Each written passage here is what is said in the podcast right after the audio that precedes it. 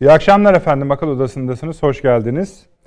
Ee, bereketli bir hafta bu dış politika açısından. Daha birinci günün, ikinci günün sonucuna bakarsanız yani toplamına bir Avrupa Birliği Dışişleri Bakanlığı zirvesi yapıldı. Bir rapor hazırla, açıklanacaktı, hazırlanmıştı. Türkiye raporu. Açıklanmadı ama sızdı ya da sızdırıldı. Başlıklarını aşağı yukarı kestirebiliyoruz. Hafta sonunda Avrupa Birliği Liderler Zirvesi var daha büyük. Orada herhalde tamamı açıklanacak ama ihtiyacımız olan bölümü almış gözüküyoruz.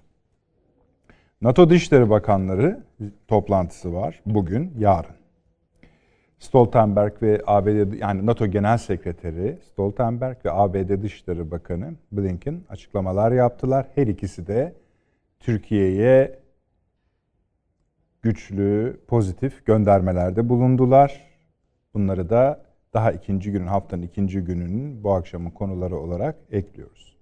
Dediğim gibi AB Liderler Zirvesi de var. Oradan da sonuçlar çıkacak.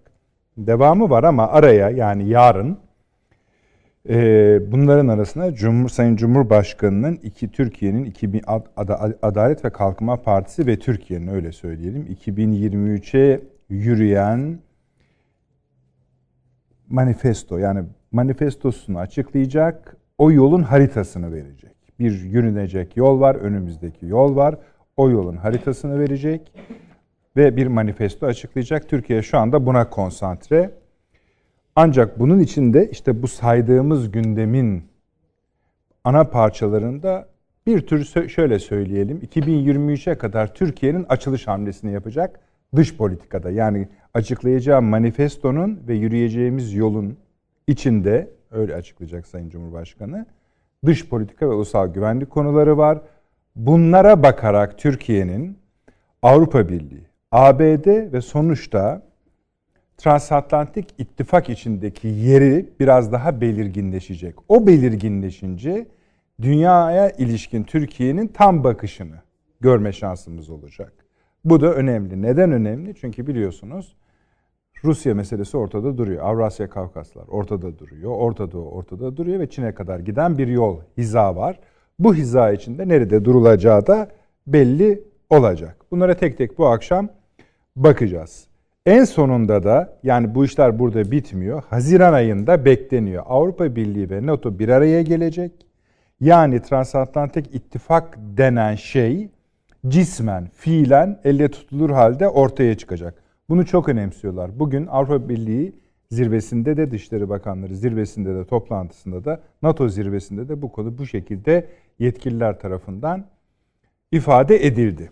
Başka ana konumuzu bu kabul edebiliriz. Çünkü çok fazla ayağı olan geniş çaplı ve Türkiye'nin geleceğini de ilgilendiren yarınki Cumhurbaşkanı'nın açıklamalarıyla da rabıtalı bir konu. İsrail'de seçimler vardı. Bu da bizi çok ilgilendiriyor biliyorsunuz. İsrail ile uzlaşılacak mı, uzlaşılmayacak mı? Efendimi yani 120 parlamenter için yaklaşık 37 parti yarıştı, yarışıyor. Netanyahu'nun seçileceği düşünülüyor. Yani daha çok oy alacağı düşünülüyor. Bu iyidir, kötüdür. İsrail seçimlerine bakacağız. Efendim Suriye gittikçe gerilimli bir hale gelmeye başladı. Bugün öğleden sonra akşam saatlerine doğru e, Amerikalıların da vuruldu haberleri geldi. Yaralı askerleri var Amerikalıların. Bunun tam bilgisini Aday Rizor bölgesinde olduğunu, roketle olduğunu biliyoruz. Kim attı, nereden attı, İran'dan şüphelenenler var vesaire. Çünkü Deirizor'da İran faaliyetleri var. Mesela oradaki halkın evlerini almak için onlara baskı yaptığına ilişkin haberler dolaşıyordu son 24 saat içinde. Öyle ya da değil. Ee, buradaki Amerikan birliklerinin vurulmuş olması bambaşka bir tartışma konusu ama bizi de ilgilendiren tarafı bu Fırat Kalkanı'nı alanı içinde bize yönelik öyle kabul edeceğiz onu. Oradaki sivillere yönelik e, saldırılarda bir artış vardı. Devam etti bu ve nihayet İdlib'de de e, dört, dört ayrı nokta bombalandı Rus ve Suriye tarafından böyle açıkça söyleyebiliriz bunu. Bunu bir ele almamız gerekiyor İsrail seçimlerinin hemen ardından. Bir başka ilginç nokta belki bunu da baştaki Avrupa Transatlantik İttifakı'nın Türkiye ile ilişkileri bağlamında değerlendirebiliriz. Fransa'da bugün PKK'ya, terör örgütü PKK'ya yönelik operasyonlar vardı. e, terör örgütüyle bağlantı dernekler, kafeler ve çok sayıda gözaltı yapıldığı Fransa İstihbarat Servisi ve Güvenlik e, Mimarisi tarafından söyleniyor. Bu nereden geldi? Biliyorsunuz Almanya'nın da son zamanlarda buna yakın bir tavrı var idi. Bunu da konuşmak istiyoruz.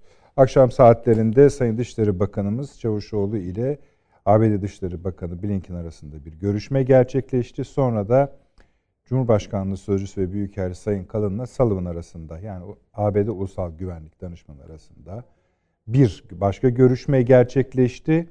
Bu arada şey beklentisi de yükselmiş buluyor. Sayın Cumhurbaşkanı ile ABD Başkanı arasında bir görüşme gerçekleşebileceğine ilişkin kanaat biraz daha yoğunlaşmış görünüyor. Diğer maddeleri daha sonra mesela Dede Ağacı Amerikalıların ardından İngiliz birlikleri ve komutanları da üst düzey komutanları da gelmeye başladı. Mesela Suudi Arabistan Yemen'de ateşkes ilan etti. İran da bunu destekledi. Rusya, Çin, ABD arasındaki görüşmeler devam ediyor. Bugün dün Lavrov demişti ki Çin'le dolarizasyondan kurtulmak için bu SWIFT anlaşmasından sıyrılmanın yolunu bulmalıyız demişti. Bugün Türkiye de buna katılmaz mı konuşmaları yapılıyor. Yani sona atıyoruz ama aslında bunlar hayli ağır konular, kalın konular. Bunlara da değinmek isteriz. Sayın Avni Özgür hoş geldiniz. İyi akşamlar. Profesör İyi Doktor Süleyman Seyfi Hocam hoş geldiniz. Bu akşam çok konumuz var. Ama herhalde en son konu daha çok ilginizi mi çekti? Öyle bakacağız artık. Doçent Doktor ve Emekli Tuğgenel Sayın Fahri Eren Paşam burada. Paşam hoş geldiniz. Teşekkürler. Avni abi. Evet. Şimdi yarın açıklanacak manifesto. Evet. Yol haritası içinde bize düşen parçaların ağırlıklı olduğunu, bize düşen ağır parçalar evet. olduğunu biliyoruz. Yani dış politika ve ulusal güvenlik konuları var. Ancak demin saydığımız toplantılarda Türkiye'nin bir pozisyonu var. Bu evet. pozisyonu genellikle ABD-Türkiye ilişkileri kötü, Avrupa Birliği ilişkileri kötü diye tarif etmek arzusunda olan kesimler de var ama görüntü bugün hiç öyle değildi. Evet. Hem ABD'den gelen açıklamalar hem Avrupa Birliği'nin içinden gelen açıklamalar evet sızlanmaları devam ediyor. Sızlanıyorlar. Yani evet. işte bu HDP konusunda ayıp ediyorsunuz evet, vesaire evet. filan gibi ya da İstanbul Sözleşmesi meselesinde evet. sızlanıyorlar. Ama sonunda diyorlar ki işte önümüzdeki yol böyle bir yoldur. Bunu beraber yürüyeceğiz. Onları tahrik edecek bazı sorular filan da soruluyor. Hani bu konular önemli konular evet. değil miydi? Hani yaptırım yapmıyor. Öyle bir şey yok diyorlar. Anlıyoruz ki bu ortaya çıkacak rapor Arto NATO toplantısı galiba Türkiye'nin konuştuğu çok çöz... rahatsız olmayacak. Buyurun. Evet. Şimdi işte e... manifesto da buna uyumlu mu? Onu da soralım. Görelim yani diyorum. E, herhalde. Herhalde. Önümüzdeki yani üzerinde diyor. Üzerinde günlerdir çalışılıyor çünkü Sayın Cumhurbaşkanı da üstünde çalışıyor. O bakımdan sonucu önem verdiğini de biliyoruz buna zaten. Kendisi de manifesto dediğine göre yoksa normal kongre konuşması bu. Doğru. Esas olarak. Ama yol haritası da. Tabii yani Tabii. 2023'e dönük bir yol haritası. Bunun içinde her şeyin olmasını bekliyoruz. Tabii. Yani şurada şu adımlar atılacak. Şimdi esasında o yani her şey biraz normal seyrinde devam etse, ediyor olsaydı e, biz bunları konuşacaktık. Acaba neler olacak, neler olmayacak? İşte bu insan hakları eylem planının şeyi nasıl oldu? Sonra bu takvimlenecekti bu e, şey e, ekonomik reform hı hı. E, Paket. Pro, paketi programı hangi tarihte ne olacak filan Lütfü Elvan açıklayacaktı. Onu bile sormayı unuttu herkes. Bugün açıklanacaktı ya da yarın açıklanacaktı. E, o, o tür bir gündem, gündem her şeyi ezer yani. Evet. Normal. Oysa Türkiye son bir haftada efendim e, bakıyorsunuz e, andımızı tartışıyor, tartıştı. İstanbul Sözleşmesi'ni tartıştı. HDP'nin kapatma davası üzerinden konuştu. Bir haftaya sığdırdıklarımız bunlar. Yani şöyle başlıklara ben şey yapayım, işaret edeyim. Ondan sonra Gergerlioğlu'na ne olacak falan gibi bir şeyler var. Meselelerimiz var. Gezi Parkı vakıfa devredildi, edilmediydi filan filan. Sonra Merkez Bankası Başkanı ne oldu filan diye O gitti geldi. Başkası geldi. Efendim bir de dolar ne oluyor filan diye birkaç gündür onun e, etrafında. Merakındayız diyor. Şimdi normalde Türkiye'nin 2023'e nasıl yürüyeceğine ilişkin Cumhurbaşkanı'nın söyleyeceklerinin merakı içerisinde olması gereken ülkenin konuşması gereken başlıklar değildi bunlar. Ama ne yazık ki bunları konuşmak zorunda kaldık. Ee, ve bütün bunlar esas gündemi gölgeliyor işte o yüzden. Yani şundan mı oldu, bundan mı oldu, şu mu böyle yaptı, öbürü mü böyle yaptı onları bir tarafa bırakıyorum ya yani tartışmayı.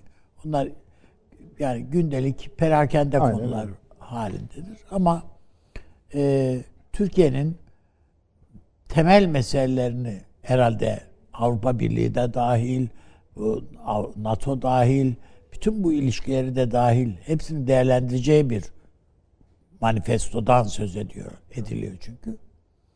Ee, buna dönük bir dikkatin gölgelenmemesi gerekirdi.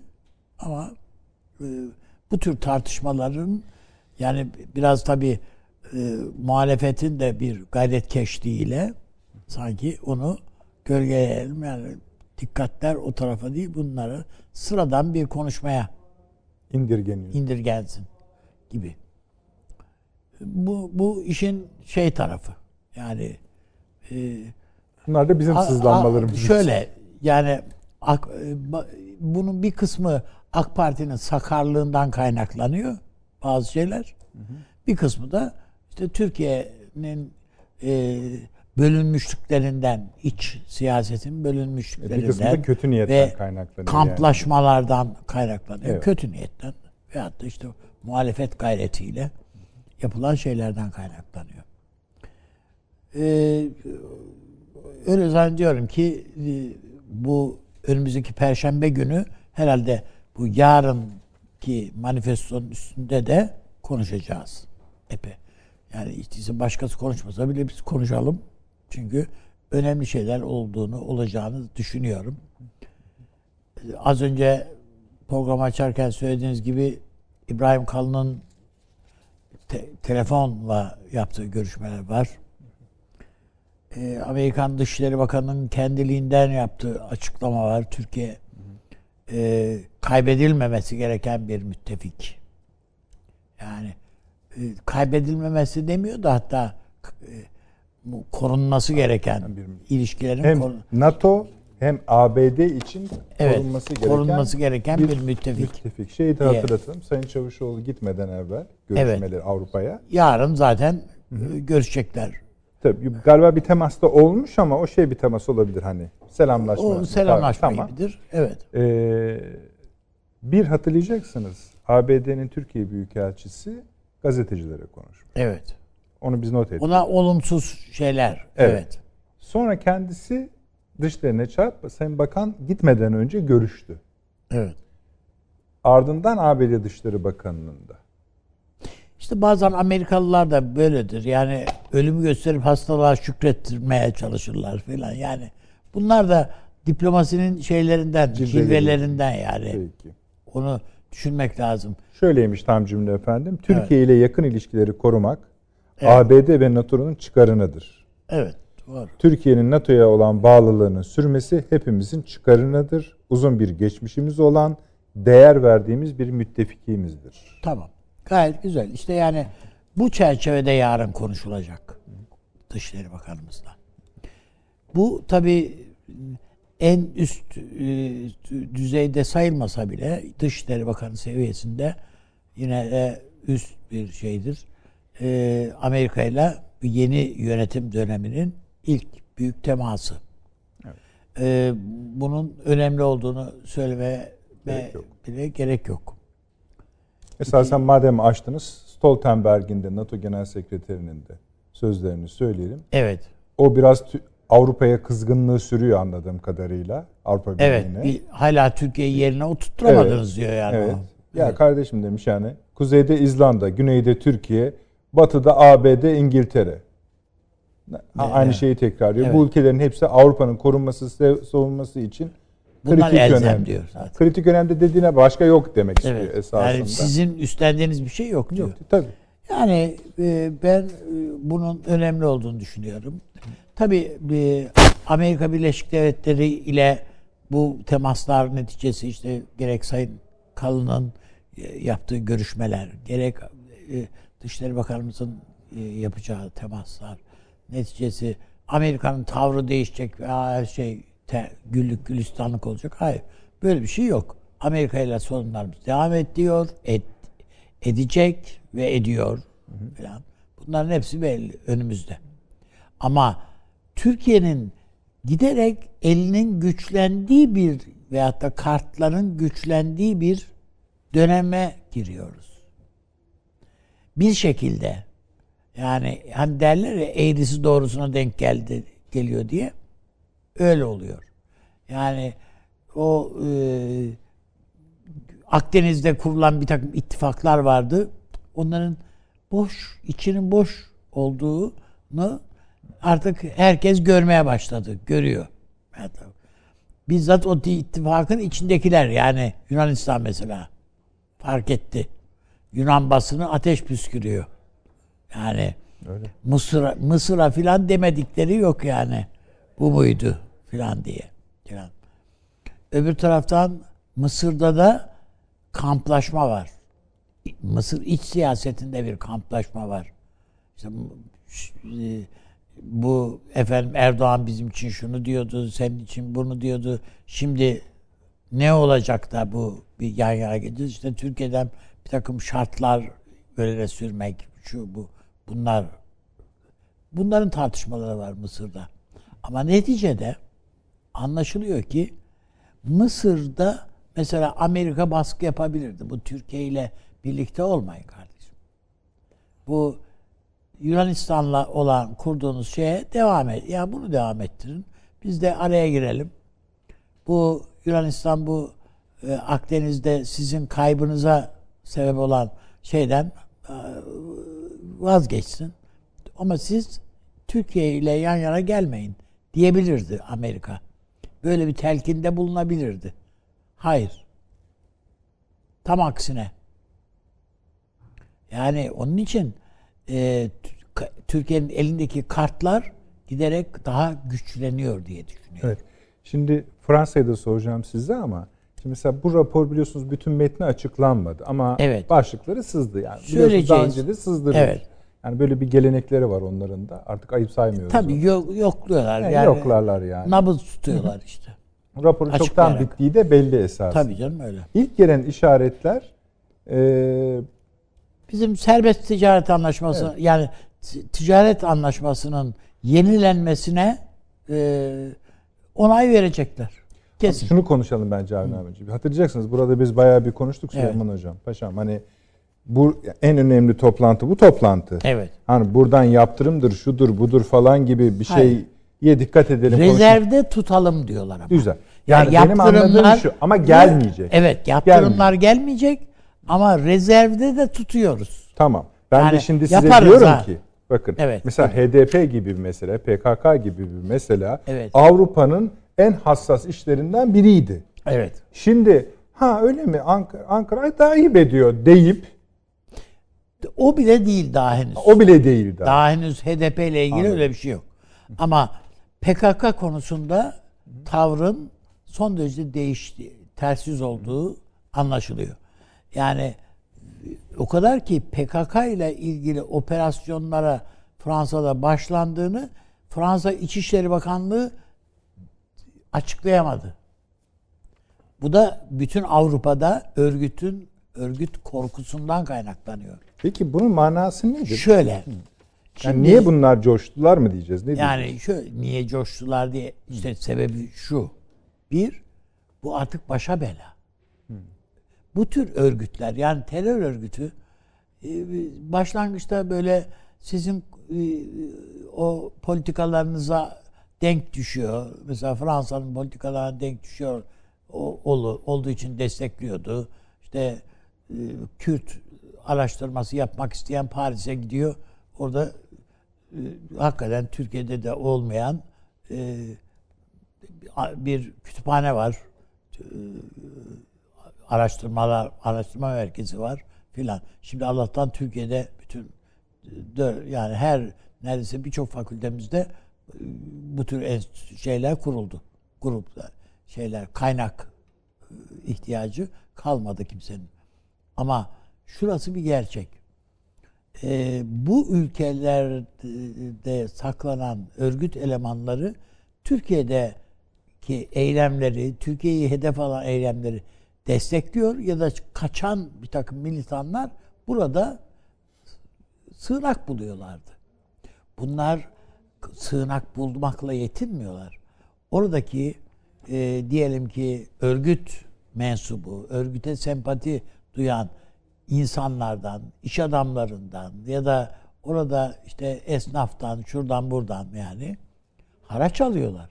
Bir eko, sektör oluşturmuşlardı.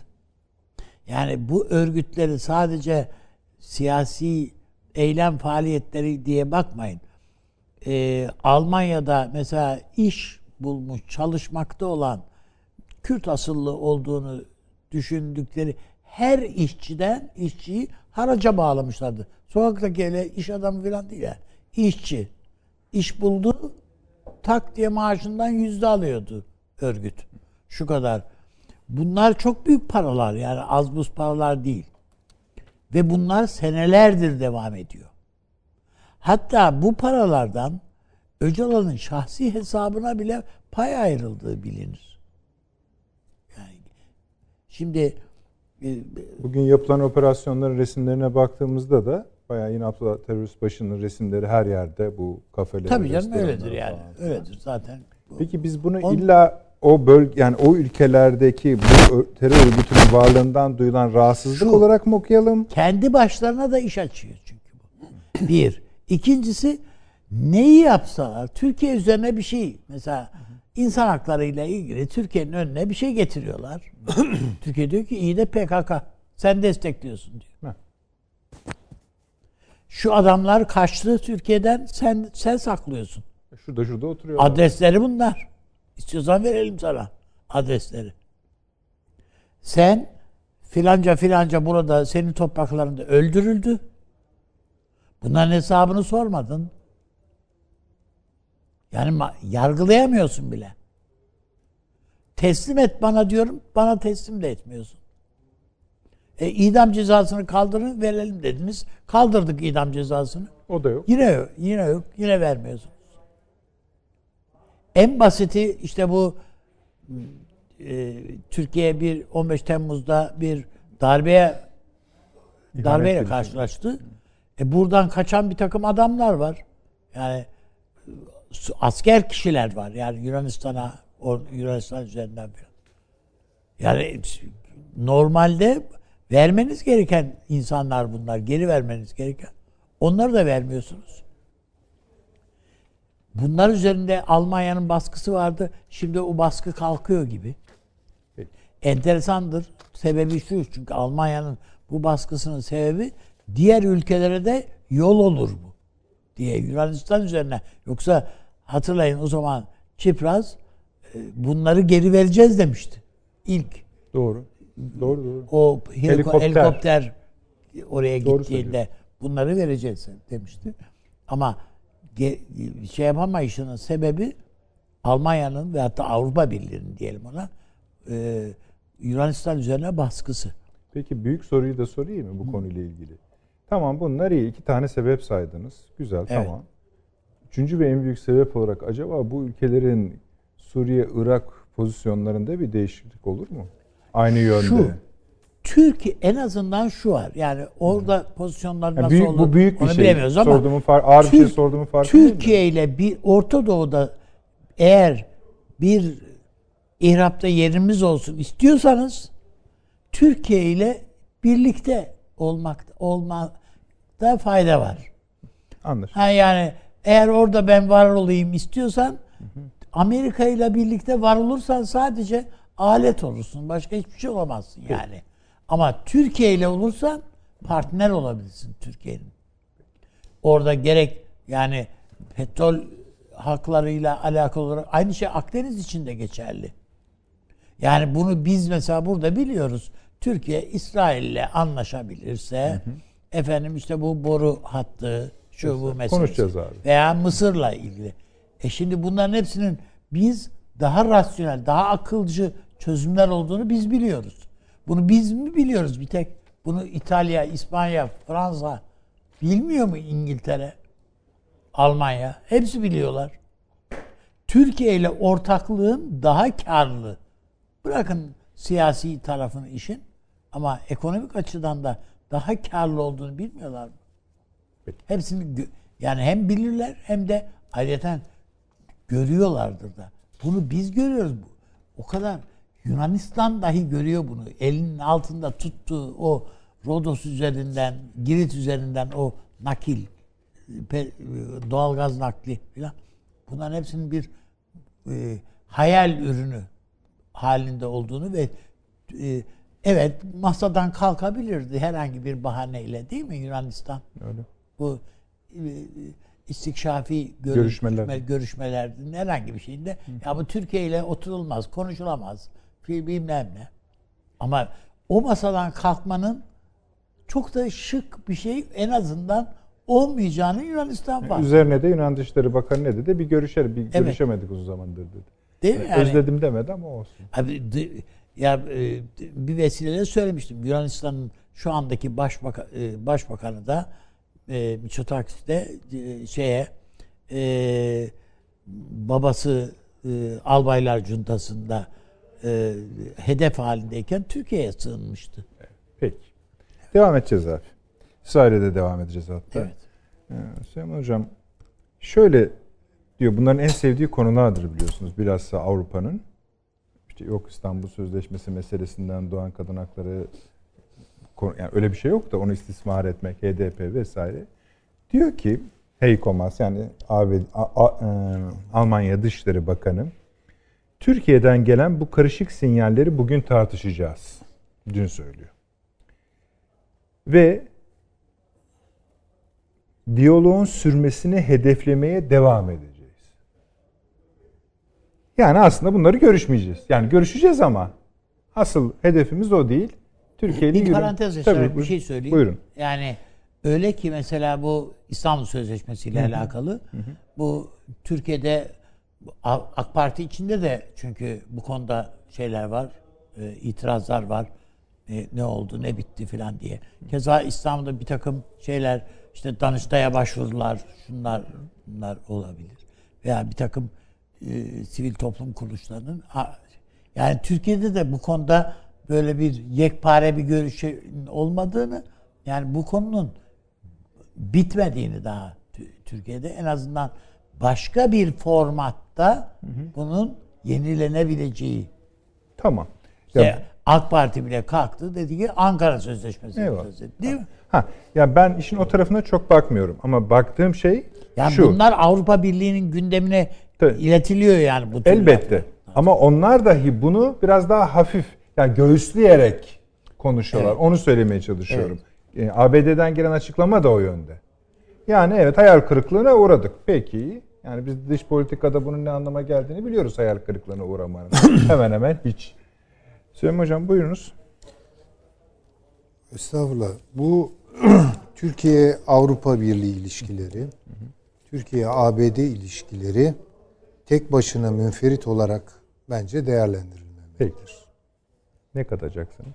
Şunu katmaya gayret ederek Buyurunuz. bakıyorum ben. Ee, Avrupa Birliği Türkiye ilişkileri Avrupa Birliği Amerika ilişkilerinin fonksiyonudur. Tamam. Şimdi akla hemen merhum Mahir Kaynağ'ın böyle e, bir manada değerlendirmelerindeki amentü gibi karşımıza çıkan bir değerlendirme e, kodu Gibi geliyor. geliyor. Yani Avrupa Birliği ile Amerika Birleşik Devletleri arasında büyük bir rekabet var ve bu rekabet bugün de muhtemelen devam ediyor ve Türkiye bu rekabetten dolayı kendisine alan açabilir. Evet. Böyle bir e, imlediği bir şey var. Ben bu rekabetin e, çok rekabet olarak işlediği kanaatinde değilim.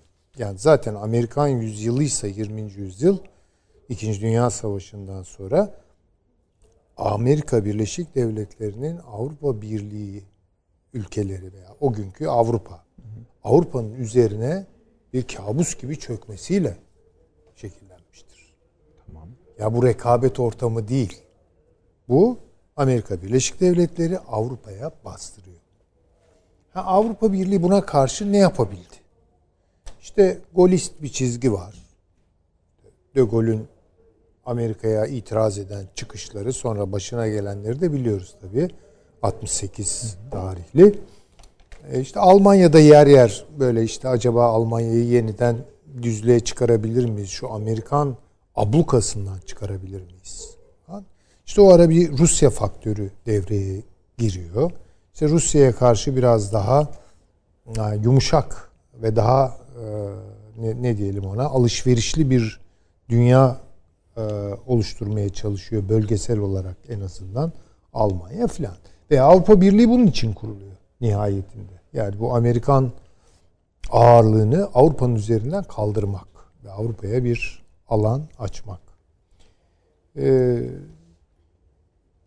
bu rekabet değil. Bu bir manada e, nasıl söyleyelim alan kazanma imkanlarını kovalayan bir süreç.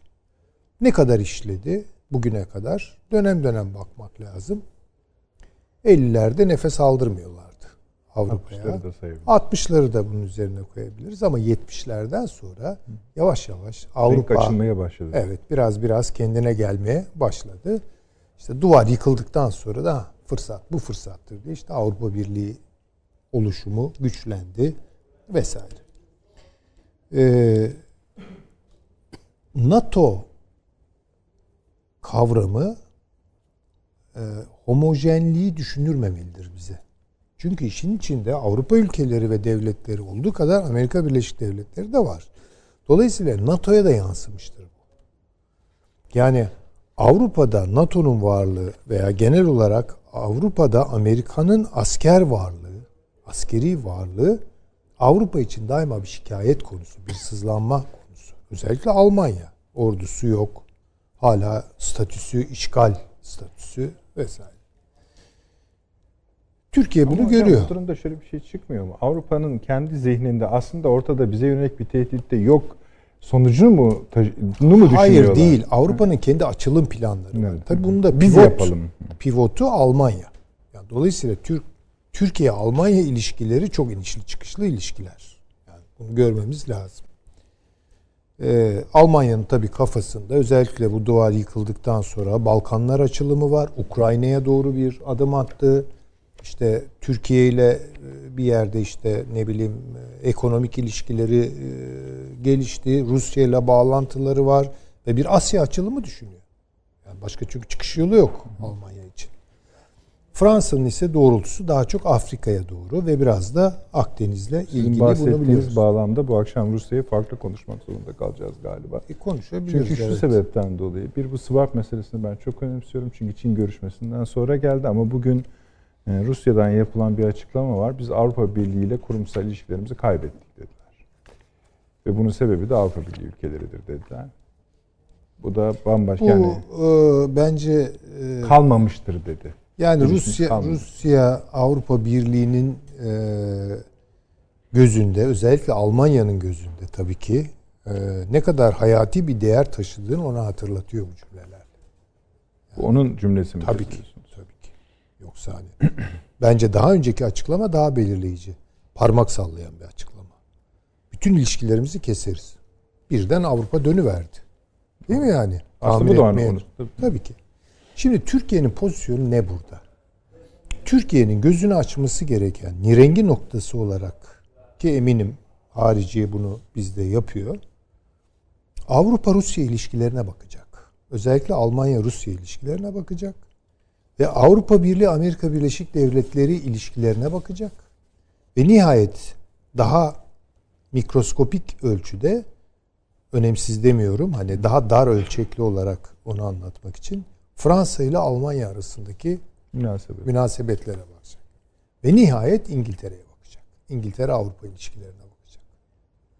bunlara baktıktan sonra ancak biz işte Avrupa Birliği ile Türkiye'nin ilişkisi ne olacak sorusuna doğru düzgün bir cevap verebiliriz. Veya işte NATO'da Türkiye'nin rolü bundan sonra devam edecek mi etmeyecek mi gibi sorulara cevap verebiliriz.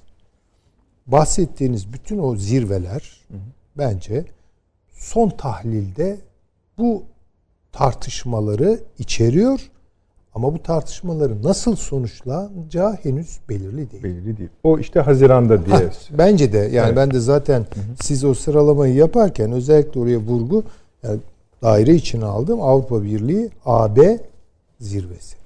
Bu bahsettiğimiz zirvedeki en önemli isimler konuşmalarının sonunda Haziran'ı gösterdiler. Tabii. Orada ne olacaksa Tabii. olacak. Ve bu herkes için çok önemli bir belirge, belirleyici. Çok doğru. Ama ben şunu da merak Ha, ediyorum sizi buyurun. zorlamak adına Estağfurullah. müsaadenizle. Estağfurullah. Bu sonuçta Avrupa Birliği'nde bir zirve yapıldı ve liderler zirvesinde bir yere bağlanacak Türkiye açısından da. NATO'da görüşmeler yapılıyor bu, bu, bu gece ve yarın. Son galiba öyle tahmin Tabii. ediyorum dün de vardı biraz. Orada da bir şey çıkacak. Türkiye konusundaki açıklamalar, tutum, tavırlar, raporlar belli. Yarın da Sayın Cumhurbaşkanı'nın manifestosu içinde bu yer tutmak zorunda. Çünkü bir yol yürüyeceksiniz seçime giden bir iki yıl var. Muhtemelen, muhtemelen değil, çok açık ki Türkiye bunu görüyor. Yani Av- Avrupa'nın ve Transatlantik İttifakı'nın nasıl duracağını görüyor. Bununla uyumlu mu görüyorsunuz? Tabii. Tamam. Yani bunu bir kere Ama uyumluyu Türk- şöyle de arayalım. Uyumsuzlar da yaratacak. Hayır şöyle Yani NATO zirvesine giderken insanlar yarın Cumhurbaşkanı'nın konuşmasını dinlemiş olarak Evet, olacaklar. Tabii önemli. Bravo. Buyurun Süleyman Hocam. ben bu konuşmanın satırlarından çok satır aralarının daha yüklü olduğu olacağı kanaat. Yarın. Evet. Yani o manifestodan, o bildiriden a Türkiye'nin ekseni değişiyor. Türkiye şuradan şuraya. Bundan sonra Türkiye Avrupa Birliği ilişkileri böyle olacak. Soğuk olacak veya çok yakın olacak. İşte Amerika ile yeniden anlaşıyoruz, anlaşacağız gibi. Böyle aşırı yorumlara dayalı hükümler çıkarılamayacağını Çok doğru. varsayıyorum. Tabii. Zaten böyle de olması gerekir. Çünkü yani çünkü çok keskin Türkiye'nin zaten Ha, o zaman zaten- Cumhurbaşkanlığının yaptığı konuşmaların hepsini kaldır at bir tarafa. tabii olur. ki Türkiye şimdi rüzgarın rüzgarların şiddetini e, hissetmekle ve değerlendirmekle şu an meşgul. Yani Avrupa Birliği'nden gelen rüzgarın şiddetine bakıyor. Yani bakıyor ki orada bir şiddet düşüklüğü var. Beklenen sertlikte esmiyor rüzgar. Yoksa işte HDP kapalıyor, kapatılıyor. İstanbul Sözleşmesi var. Kıyameti koparırlardı. Süleyman Hocam ben bu manifesto ya da yol açıklanacakken bunu bu şekilde gözlediği konusunda mutabıkım da ben daha önce bunu bildiğini düşünüyorum. E Ankara'da. ama zaten başından Ha, tamam. beri yani, HDP gözüküyor İstanbul zaten bu. Sözleşmesi'nden de önce bunu bildiğini düşünüyorum. Tabii ki tabii azından ki. söylenmiştir tabii Söylen, canım. tamam. Bunlar işaretler verilmiştir. Herhalde uzmanlar E, aktarıyorlardır. Ankara'nın başarısı. Yani şimdi Türkiye'nin şu an pozisyonel olarak rahatlaması bu çelişkilerin alacağı e, Hale bağlı. hale bağlıdır. Yani bu çelişkiler keskinleşirse Türkiye'nin önü açılır. Ama bu çelişkiler giderilirse özellikle Avrupa Birliği ve Amerika Birleşik Devletleri Transatlantik İttifak yani. Transat Transatlantik İttifakı tam oturursa Türkiye'nin biraz bundan endişe duyması lazım. O zaman bir seçim durumu ortaya çıkacak diyorsunuz. O zaman Zorlama tabii durumu, ki tabii. yani onun için yarın bir şey beklemiyorum. Yani yarın en fazla bazı ihtimallerin Türkiye'nin farkında olduğu ve Türkiye'nin önünde Buna birden ilişkin, yerine oturmasına ilişkin bir şeyiniz var mı? Ta- takviminiz. E işte dediğim gibi bu Avrupa Birliği Amerika Birleşik Devletleri zirvesiyle Ha tamam. olacak. O şöyle bir şey. Haziranda Onu yani. biz böyle yapacağız diyecekler ve ondan sonra yapmaya başlayacaklar. Ha, tabii. Onların kafasındaki rakam 2030. Kimlerin İşte e, NATO'nun yani Transatlantik İttifak'ın sizin kaygılandığınız hale diyelim. evet Oturtulma tarihi bu esasında. Hedef tarih bu. Ama başlar. Yani eğer bu zirvede bir kümüle- anlaşma Tabii. sağlanırsa adımlar atılmaya Ha, o başlar. doğru, tamam. O- Ondan sonra Doğru. işte göreceğiz ki evet Rusya'nın başı daha Doğru çok ağrıyacaktır. Çok daha fazla ağrıyacaktır. Türkiye'nin de başı çok daha fazla ağrıyacak. Çünkü yani aslında Her hiçbir tercih yapmak Ha, istemiyor. o zaman şu söylenir muhtemelen bunlara. Yani üzerime çok gelirseniz sizin çok endişe ettiğiniz başka bir adımı da atabiliriz. Şu vurgulanacak. Perşembe günü sağlamasını yaparız inşallah. Ee, Türkiye'nin zannettiğiniz kadar çaresiz olduğunu düşünmeyin. Türkiye'nin seçenekleri var. Ee, sizden gelecek e, rüzgarın sertliğine, soğukluk derecesine bağlı olarak Türkiye gerekli adımları atar. Yani İkinci Dünya Savaşı'ndan e, işte o 1940'larda İsmet Paşa bunu söylediyse yani. Biz haydi haydi şimdi bunu gene söyleyebiliriz. 63'ten beri bekliyoruz hocam. Bekliyor yani ya Türkiye'yi Türkiye olarak yani bir NATO e, emir ve komutası içerisinde her denilene ev, evet diyen o eski Türkiye değil de hani daha ayakları yere basan, daha güçlü, daha potansiyelleri olan bir Türkiye olarak görüp ayrı bir şekilde değerlendirip bu halimle benimle işbirliği yapacaksanız ben buna açığım ama bunu yapmayacaksanız benim de başka seçeneklerim var demeye gelecek bir metin olacağını Tamam. tahmin ediyorum. Şu anki durumu da biz biraz sonra değerlendirelim izin verirseniz. Ee, Ben hoca bir e, paşama geçmeden hocamın sözü üzerine bir şey ekleme de yapayım. Bu son derece Buyurun. doğru bir değerlendirme. Belki bu kadar hocamın söylediği kadar net cümleler görmeyeceğiz belki yarın. Daha diplomatik bir üslup kullanabilir Cumhurbaşkanımız. Şunu unutmamak lazım. Eğer bugün Avrupa Birliği HDP tartışmalarında bir elinde körükle gelmiyorsa üstümüze ve Avrupa'da PKK göğe dönük operasyonlar başlamışsa bunların bir sebebi var. Ya bu tamamen boş değil. O yüzden HDP'nin esas telaşı budur. Yani ya Selahattin Demirtaş mahkum oluyor, bilmem ne oluyor, şu oluyor, bu oluyor. Batı basınında bir şey yok ya. Ya Tabii, sen tabii, de takip tabii, ediyorsun. tabii. Var mı? Çünkü Yok burada yani hani işte onu zaten konuşmaya evet, gayret şunu ediyorum. e, Ha, Paş- Paşa'nın Buyurun, buyurun. e, söz hakkını e, onu- almak istemem ama izninizle bir iki küçük cümle söyleyeyim. Yani söyleyeceğim şey şu. e, Avrupa Birliği, Amerika Birleşik Devletleri'nin arasındaki ilişkiler de 1950'lerdeki gibi değil. 1960'lardaki gibi değil. 1970'lerdeki gibi değil. Hani Amerika'nın da Avrupa'yı kontrol etme kapasitesi, gücü, imkanları bir hayli azalmış vaziyette. Yani dolayısıyla önce bunların kendi aralarında anlaşması son derece zor. Bu transatlantik bağının kurulması. Ee, ama bunun yerine neler gelebilir bunları belki tartışabiliriz. O da büyük ölçüde enerji yolları ve yeni ticaret yolları üzerine Biraz da Çin mi diyorsunuz yani? Elbette. Peki. Paşam buyurunuz. Ee, öncelikle e, tabii yarın açıklanacak e, manifestonun e, Türkiye açısından önemi olacaktır ama Amerika açısından ben e, fazla bir önemi olmayacağını düşünüyorum. Çünkü Amerika e, harekat planı uygulamaya soktu. Sadece iki hafta içinde e, yapılan gezileri, ziyaretleri ve tatbikatları ve oluşturulan komutanlıkları düşündüğünüzde Amerika Birleşik Devletleri 3. Dünya Savaşı'nın şu anda organizasyonunu yapmakla uğraşıyor.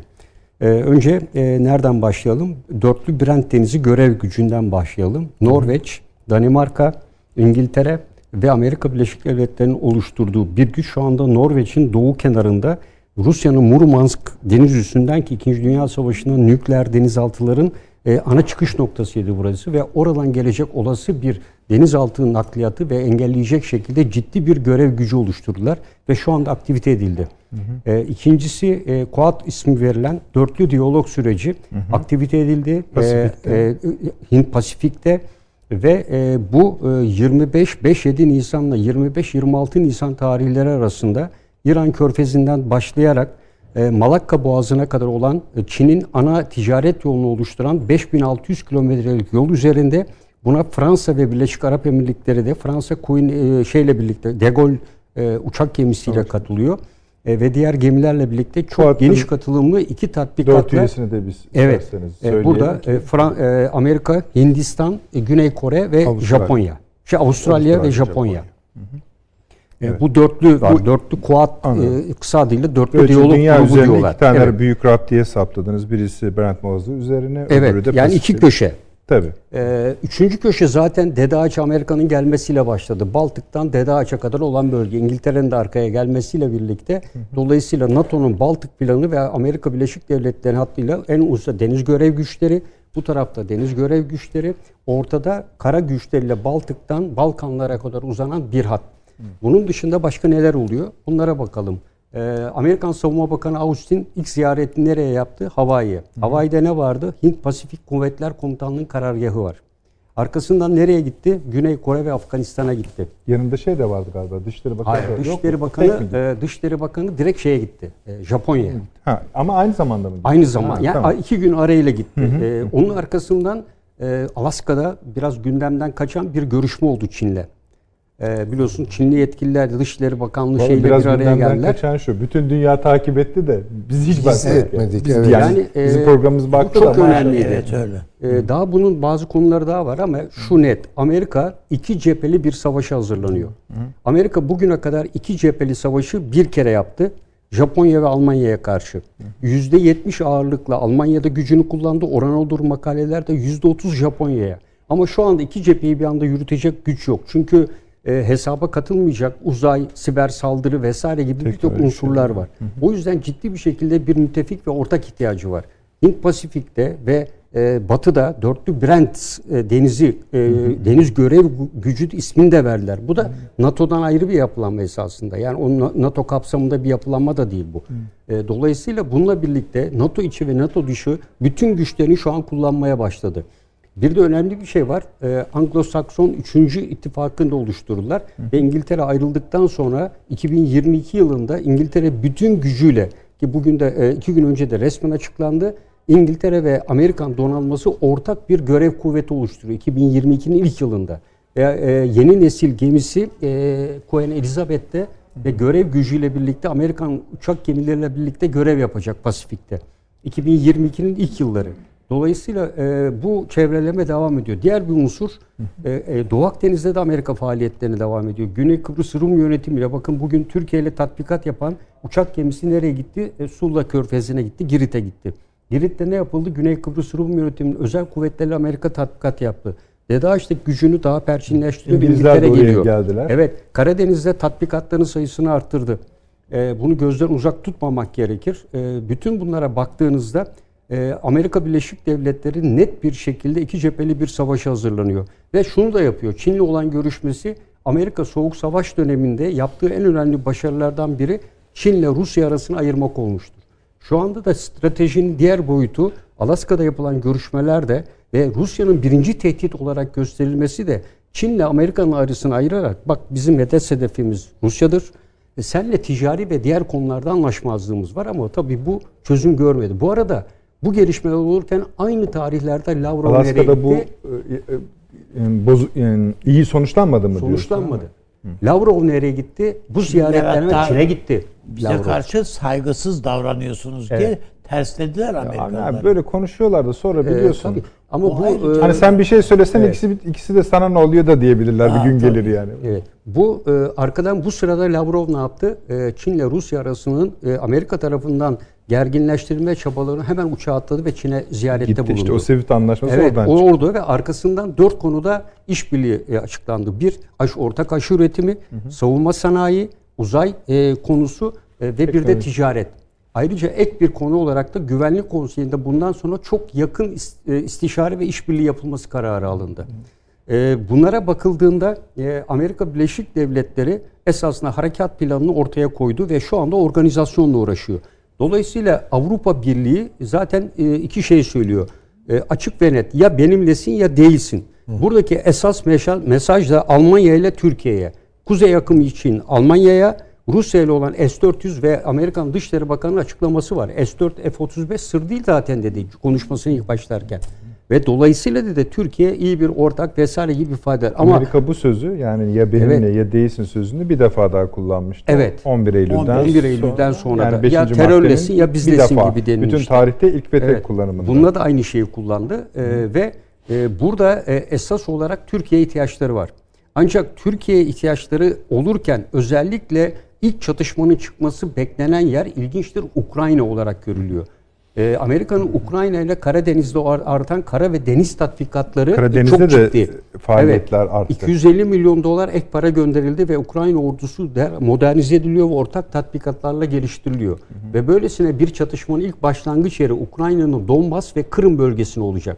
Ve Amerika'da olabildiği kadarıyla bu Baltık planı ve Kuzey yığdığı kuvvetlerle bu bölge üzerinde ve Karadeniz donanması da Rusya'nın en zayıf olduğu bölgedir. Karadeniz donanması Rusya'nın zayıftır.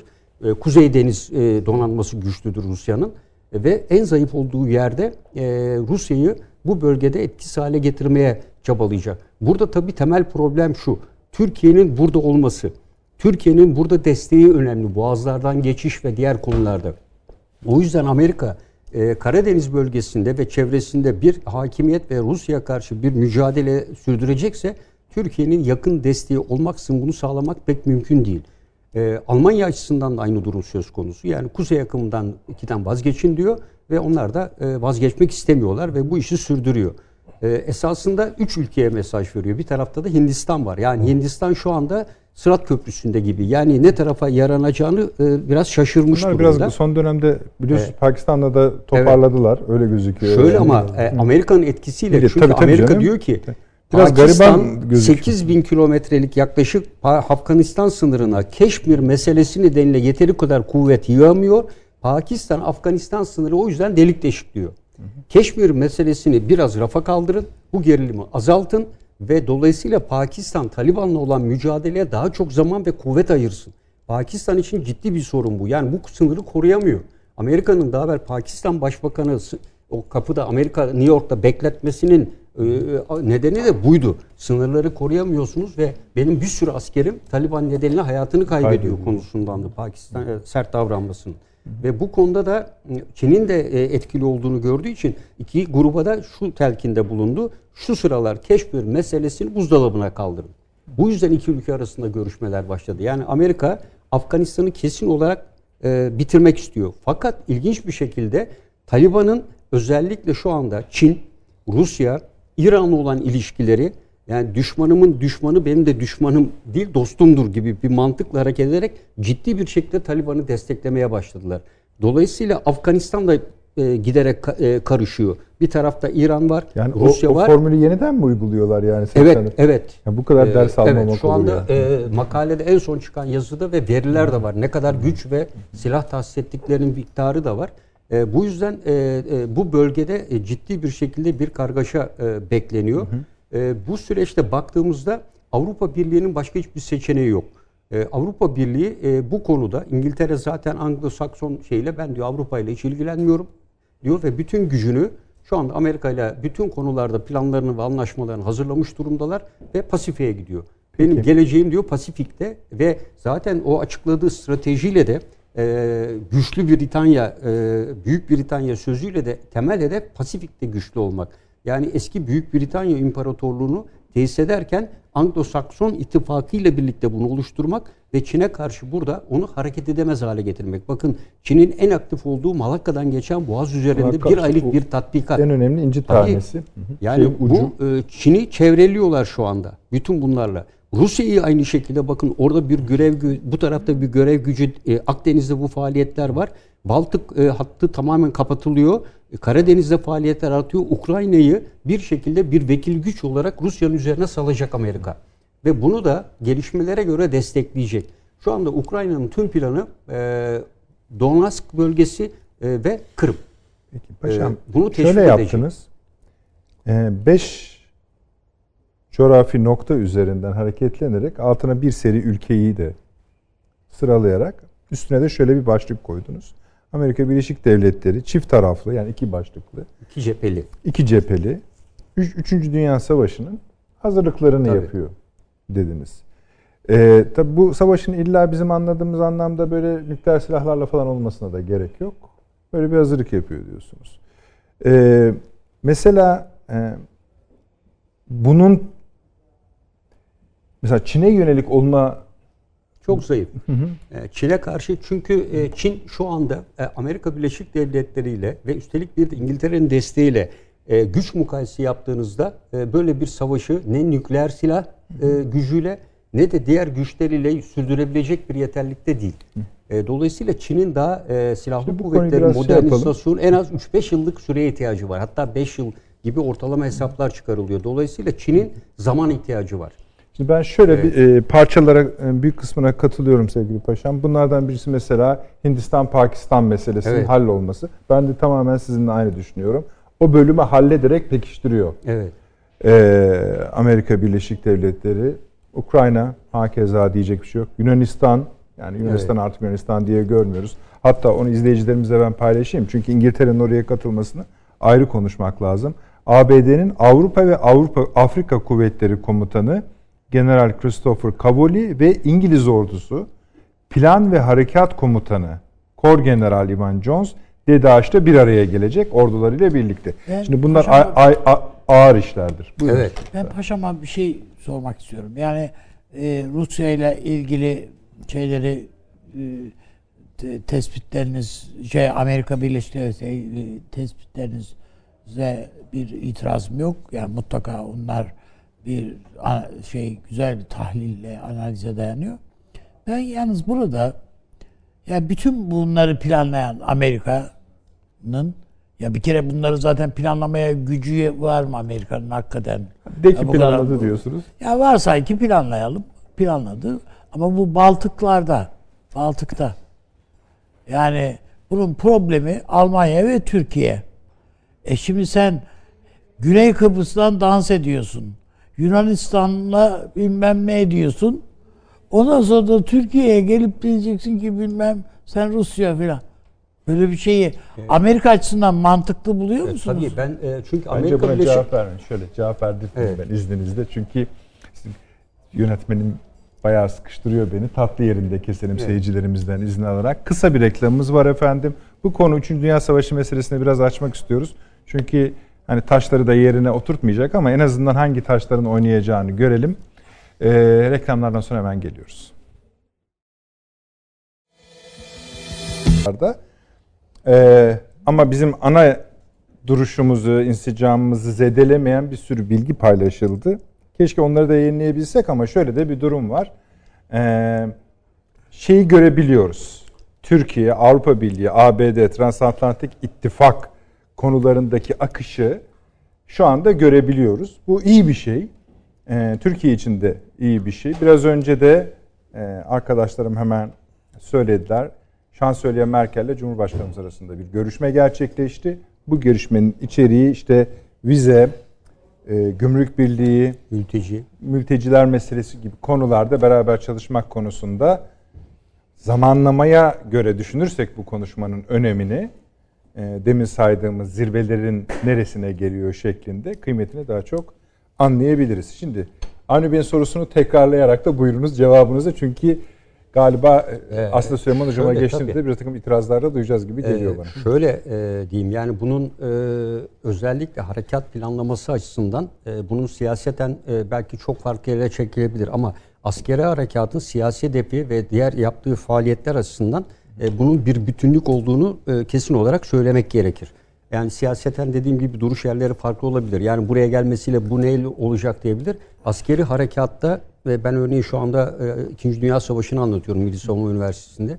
E, o kadar çok detaya iniyoruz ki yani burada inlediğimiz zaman bu harekatın yapılması asla gereksizdir dediğiniz yerde yapılan harekatın maksadına baktığınızda ciddi sonuçlar çıkıyor.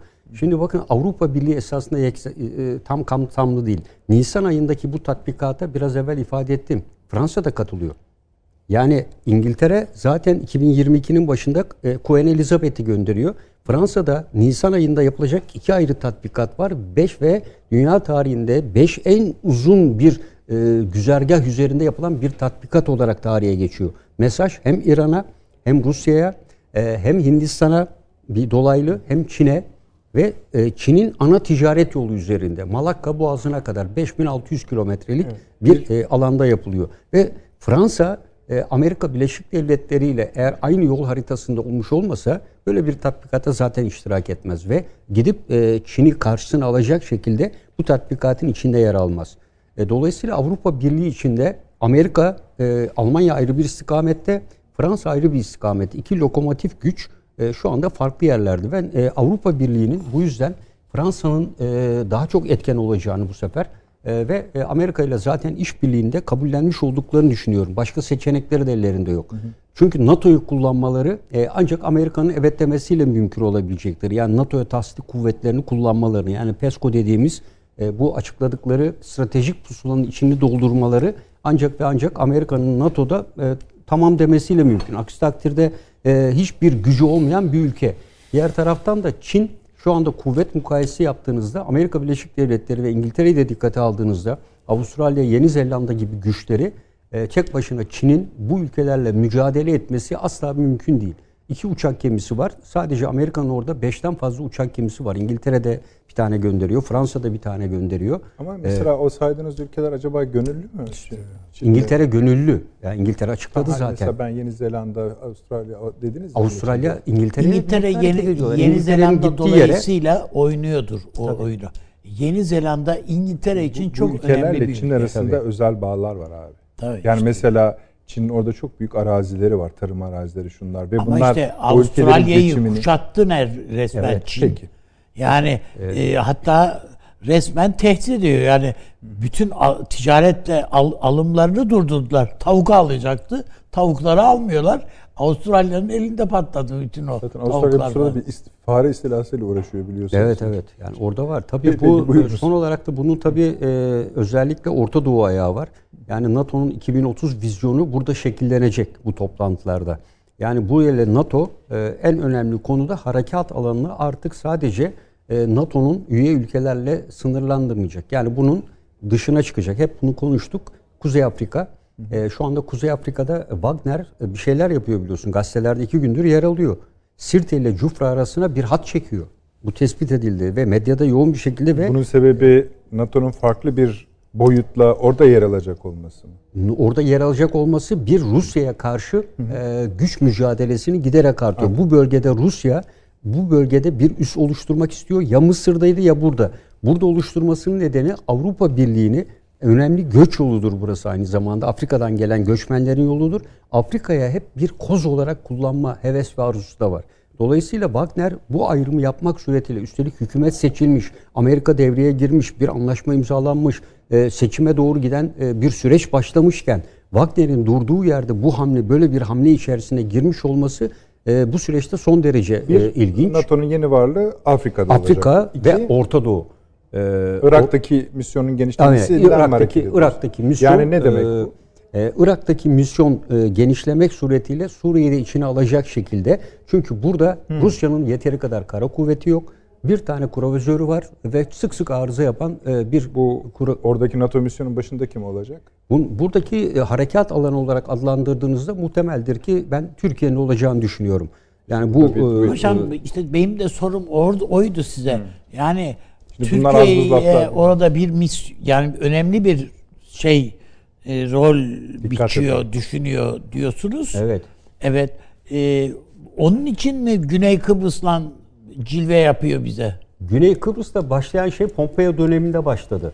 Yani Trump döneminde başladı. Yani Biden döneminde e, Güney Kıbrıs'ta o kadar e, ciddi bir ilişki yok. Yunanistan'a Dede Ağaç'a çıkarılanlar da Türkiye ile hiç ilgisi yok. Bunu ben geç programda da söyledim. Bu tamamen Rusya'yı Baltık hattıyla birleştirmek amaçlı bir kuvvet yığılmasıydı. Eğer Doğru. orada Trakya tabii- olsaydı Trakya ile Türkiye için Doğru, yeniden işbirliği yapılacaktı. O hat öyle. Yani dolayısıyla diğer hatların da bir işbirliği yapılması, Girde vesaire gibi yere Akdeniz'e doğru inebilecek ve Akdeniz'den çıkacak Rus kuvvetlerini engellemek Ege Denizi'nden. Temel amacı bu. Yani şu an Amerika bütün teşkilatlanmasını Rusya'ya karşı yapıyor. Bu arada elbette Çin'in olası çıkışları olabilir diye de e, ağırlık merkezini iki cephe üzerine yığmaya çalışıyor. Peki siz e, yani bir asker gözüyle Rusya'nın bunu okumadığını düşünemezsiniz. Rusya yani. okuyor ama Okuyor. Rusya en zayıf anında yakalandığını düşünüyorum. Yani yaptırımlar nedeniyle yani Belarus dolayısıyla evet Moldova Belarus olsun, Moldova olsun, Ukrayna olsun Ukrayna. e,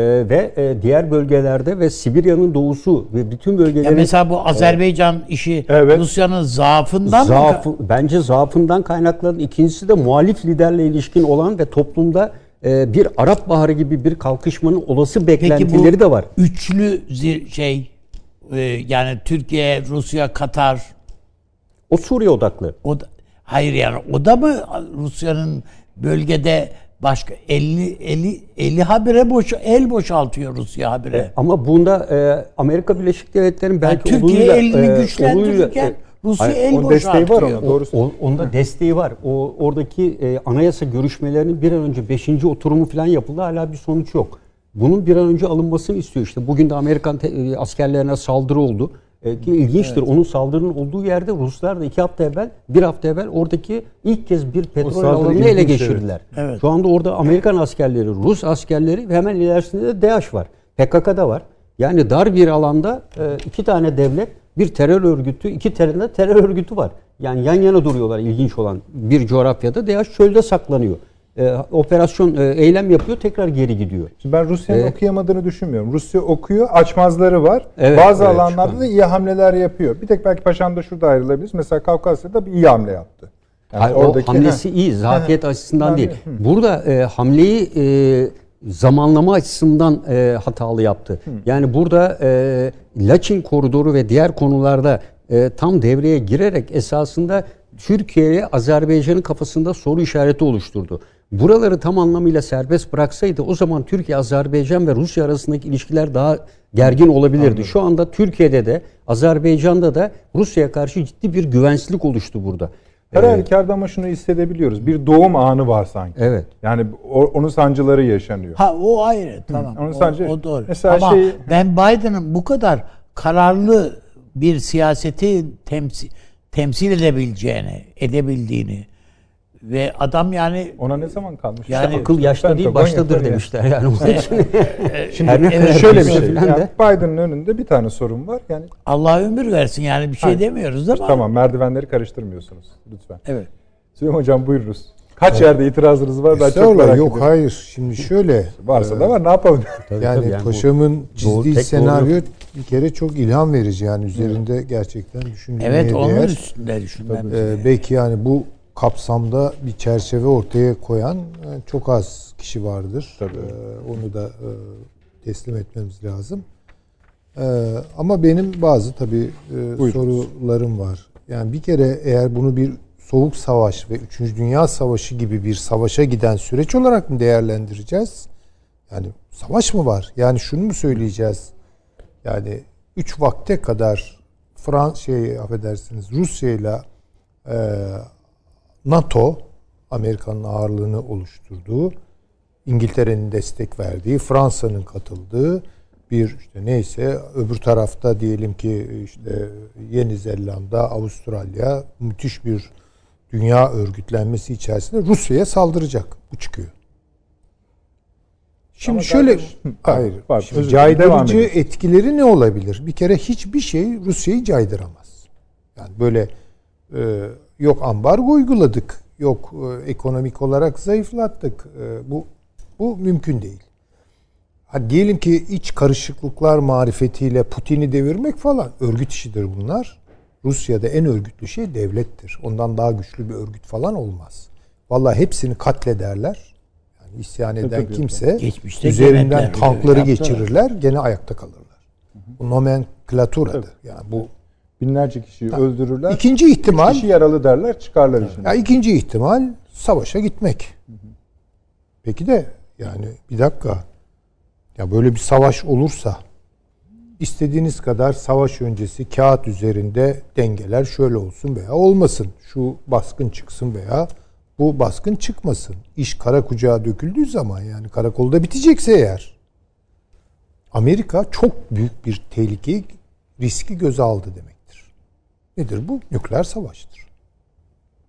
Yani çünkü nereye kadar Rusya'yı o düğmelere elini götürmekten alıkoyacaksınız ki? Hani diyelim ki mesela Karadeniz'de Kırım düştü. Şimdi ben kafamdan senaryoyu büyütüyorum. Kırım düştü. Ukrayna e, Bu aynı anda Putin'in de düşmesi demek hocam. biter. Moskova'da. Üstadım Rusya biter. Rusya bitti demektir. Teslim olsun. Olur mu? Asla olmazlar.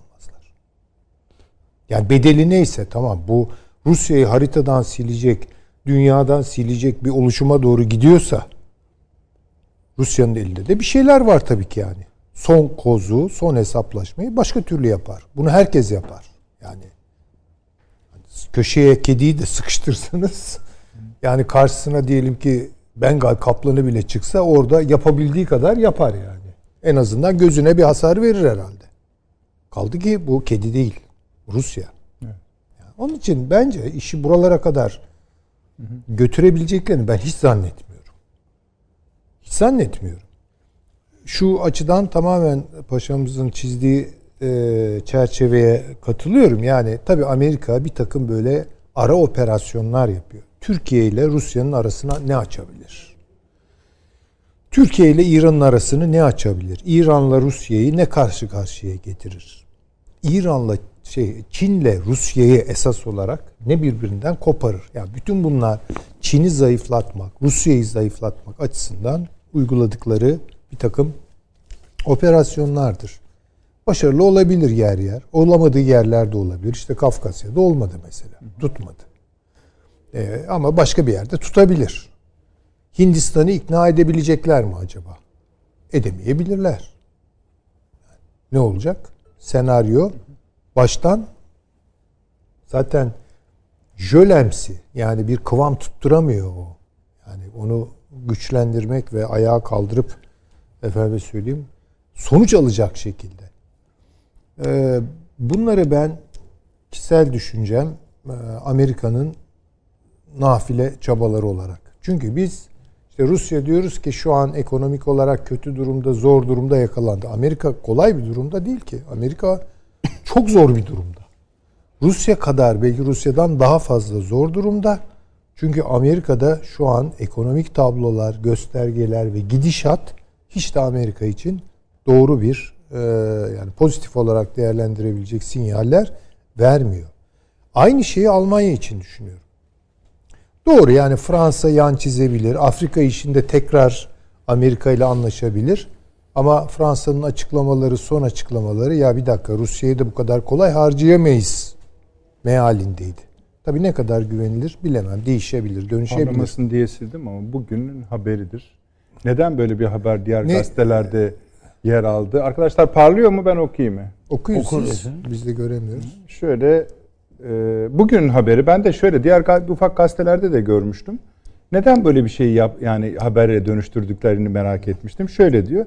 Kremlin sözcüsü şöyle bir açıklama yapıyor. Rusya Devlet Başkanı Vladimir Putin yurt içi ve yurt dışında gittiği her yerde nükleer çantayı yanında bulundurmaktadır. E, Haber bu. Amerika'da bulunduruyor. Tamam. Yani bu ya. bir haber değil ki. şey değil, bu Ee, şey. Silahı olan çanta yanında. Bunu hani bir haber olsa tamam. Bunu Kremlin sözcüsü yapıyor bu açıklamayı. Evet biliyoruz. Yani bu şöyle bir şey. Ee, Avni Bey her gün kravat takmaktadır. Ya e, o zaman ben Peki, demeyecek miyim o zaman? Hayırdır abi niye böyle bir açıklama yapıyorsunuz diye. Yani şu tabii ihtimali en azından düşündürtüyor. Yani Rusya bunun son bir hesaplaşma olacaksa eğer yok işte Gürcistan'dan dalacak, girecek veya e, Ukrayna'dan girecek falan bütün bunları böyle geçici, arızi, konjonktürel bir şey olarak görmez. Bu adeta böğrüne bir bıçağın saplanması. İnsan nasıl refleks verir öyle Yani- bir durumda? Her şeyi göze alır. Sa- işte e, Saddam'ın e, nasıl Orta Doğu'yu yangın yerine çevirdiyse Putin bunu çok daha Valla dünyayı yakarlar ve Yani dünyayı yakarlar. Amerika'ya yar etmezler. Kaldı ki aynı şeyi aynı şeyi Almanya için düşünüyorum. Tutalım ki Almanya tamam peki dedi. Diz çöktü tekrar Amerika Birleşik Devletleri'nin karşısında. Hatta bütün Avrupa Birliği'ni eş dereceli NATO disiplinine soktular. E Peki bu hesaplaşmanın sonucunda kazanan acaba Avrupa mı olacak? Olmayacak tabii ki. Ben bir iki noktayı izninizle. Ben bir şey sor, bir şey daha sorayım paşama. Şimdi siz de asker olarak bir harekatı yaparken veya bir savaş veya bir, bir şey yaparken, planlarken ne amaçlıyorum? E, Öncelikle E, yani değer mi? Bir de yani ödedi. At- Zaten attığımız e, taş öncesinde üstü, iki tarafın hareket tarzları tahlili e, bir takım e, e, harekat durum muhakemesi içinde çok kapsamlı iki taraflı senaryolar oluşturulur. Eldeki imkanlar Yani nükleer ki Rusya'yı yok ateşlerse ettin olur, yani. hipersonik Ne füze olacak yani? ateşlerse ne olur? Bütün bunlar e, en üst düzeyde tartışılır ve sayfalar dolusu yazılır ve bunlar simülasyonda da ortaya konulur ve oynanır. Burada Amerika Birleşik Devletleri e, doğrudan doğruya kendisi bir müdahale olmayacak. Burada baskı altına alırken özellikle Arktik bölgesindeki şu anda Amerika Birleşik Devletleri yeni Arktik Stratejik Eylem Planını yayınladı. Taslak olarak yayınlandı. Arktik o ordusu kuruyorlar bir de. Tabii şu anda Avrupa'da büyük falan. bir Evet. güç veriyor ve bu süreçte Murmansk şu anda da Kuzey e, Buz Denizi'nde Rusya'nın dediğim gibi en önemli üssü. Buradan ani çıkışlarla özellikle e, Norveç ve e, İngiltere bölgesindeki NATO e, deniz üssü güçlerini kuşatmak ve etkisiz hale getirmeye sınırlayacak ve oradaki güçlere zaman kazandıracak bu görev kuvveti. Bu görev kuvveti Rusya'nın en güçlü olduğu kuzeydeki bütün donanmasını yok edecek bir yetenekte değil. Ee, Biz bunu askeri harekatta muharebe ileri karakolu deriz. Yani denizciler bunu farklı kondur ama mümkün olduğu kadar bir nevi oyalama muharebeleri yaparak asıl deniz gücü grubuna zaman kazandırmak. Böyle bir güç yoktu mesela orada. E, Şu anda bunu oluşturdular. E, Aynı şekilde Hint Pasifik'te resmen bunu e, daimi deniz gücü haline getirdi ve önümüzdeki sene İngiltere de katılıyor buraya. Şimdi İngiltere buradan tamam kendi Ama Rusya'nın da aynı bölgede deniz gücü var. Nerede? De- Rusya'nın kuzeyde var. Kuzeyde. İşte onu çıkartmamak için yapıyorlar. Ha. Yani onların yani o temel hamle nükleer e, denizaltılar İşte bilmem hepsi onları- orada yani. Bu grupta da denizaltılar var. Amerika denizaltılarını Evet. getirdi. Onların çıkışını İkinci Dünya Savaşı'nın seyrini değiştiren bu e, üstten çıkan denizaltılar olmuştur. Almanlara karşı kullanılan. Ve bunu da bildikleri için Rusya'nın en güçlü olduğu bölgesi bu bölgeyi kapatmaya çalışıyorlar. Rusya'nın diğer taraflardaki deniz güçleri güçlü değil. Karadeniz'de esas güç Ukrayna'daydı. Evet, Bütün tersaneler Ukrayna'da. Dolayısıyla e, hassas. Yani onlar olmasa Evet. şeyin bağrını oluşturuyor. Açık bir alan. Ama ben e, Süleyman Hocam bitirdiniz mi? Ben bitirdim. Şöyle bir iki nokta, noktayı hatırlatmak isterim.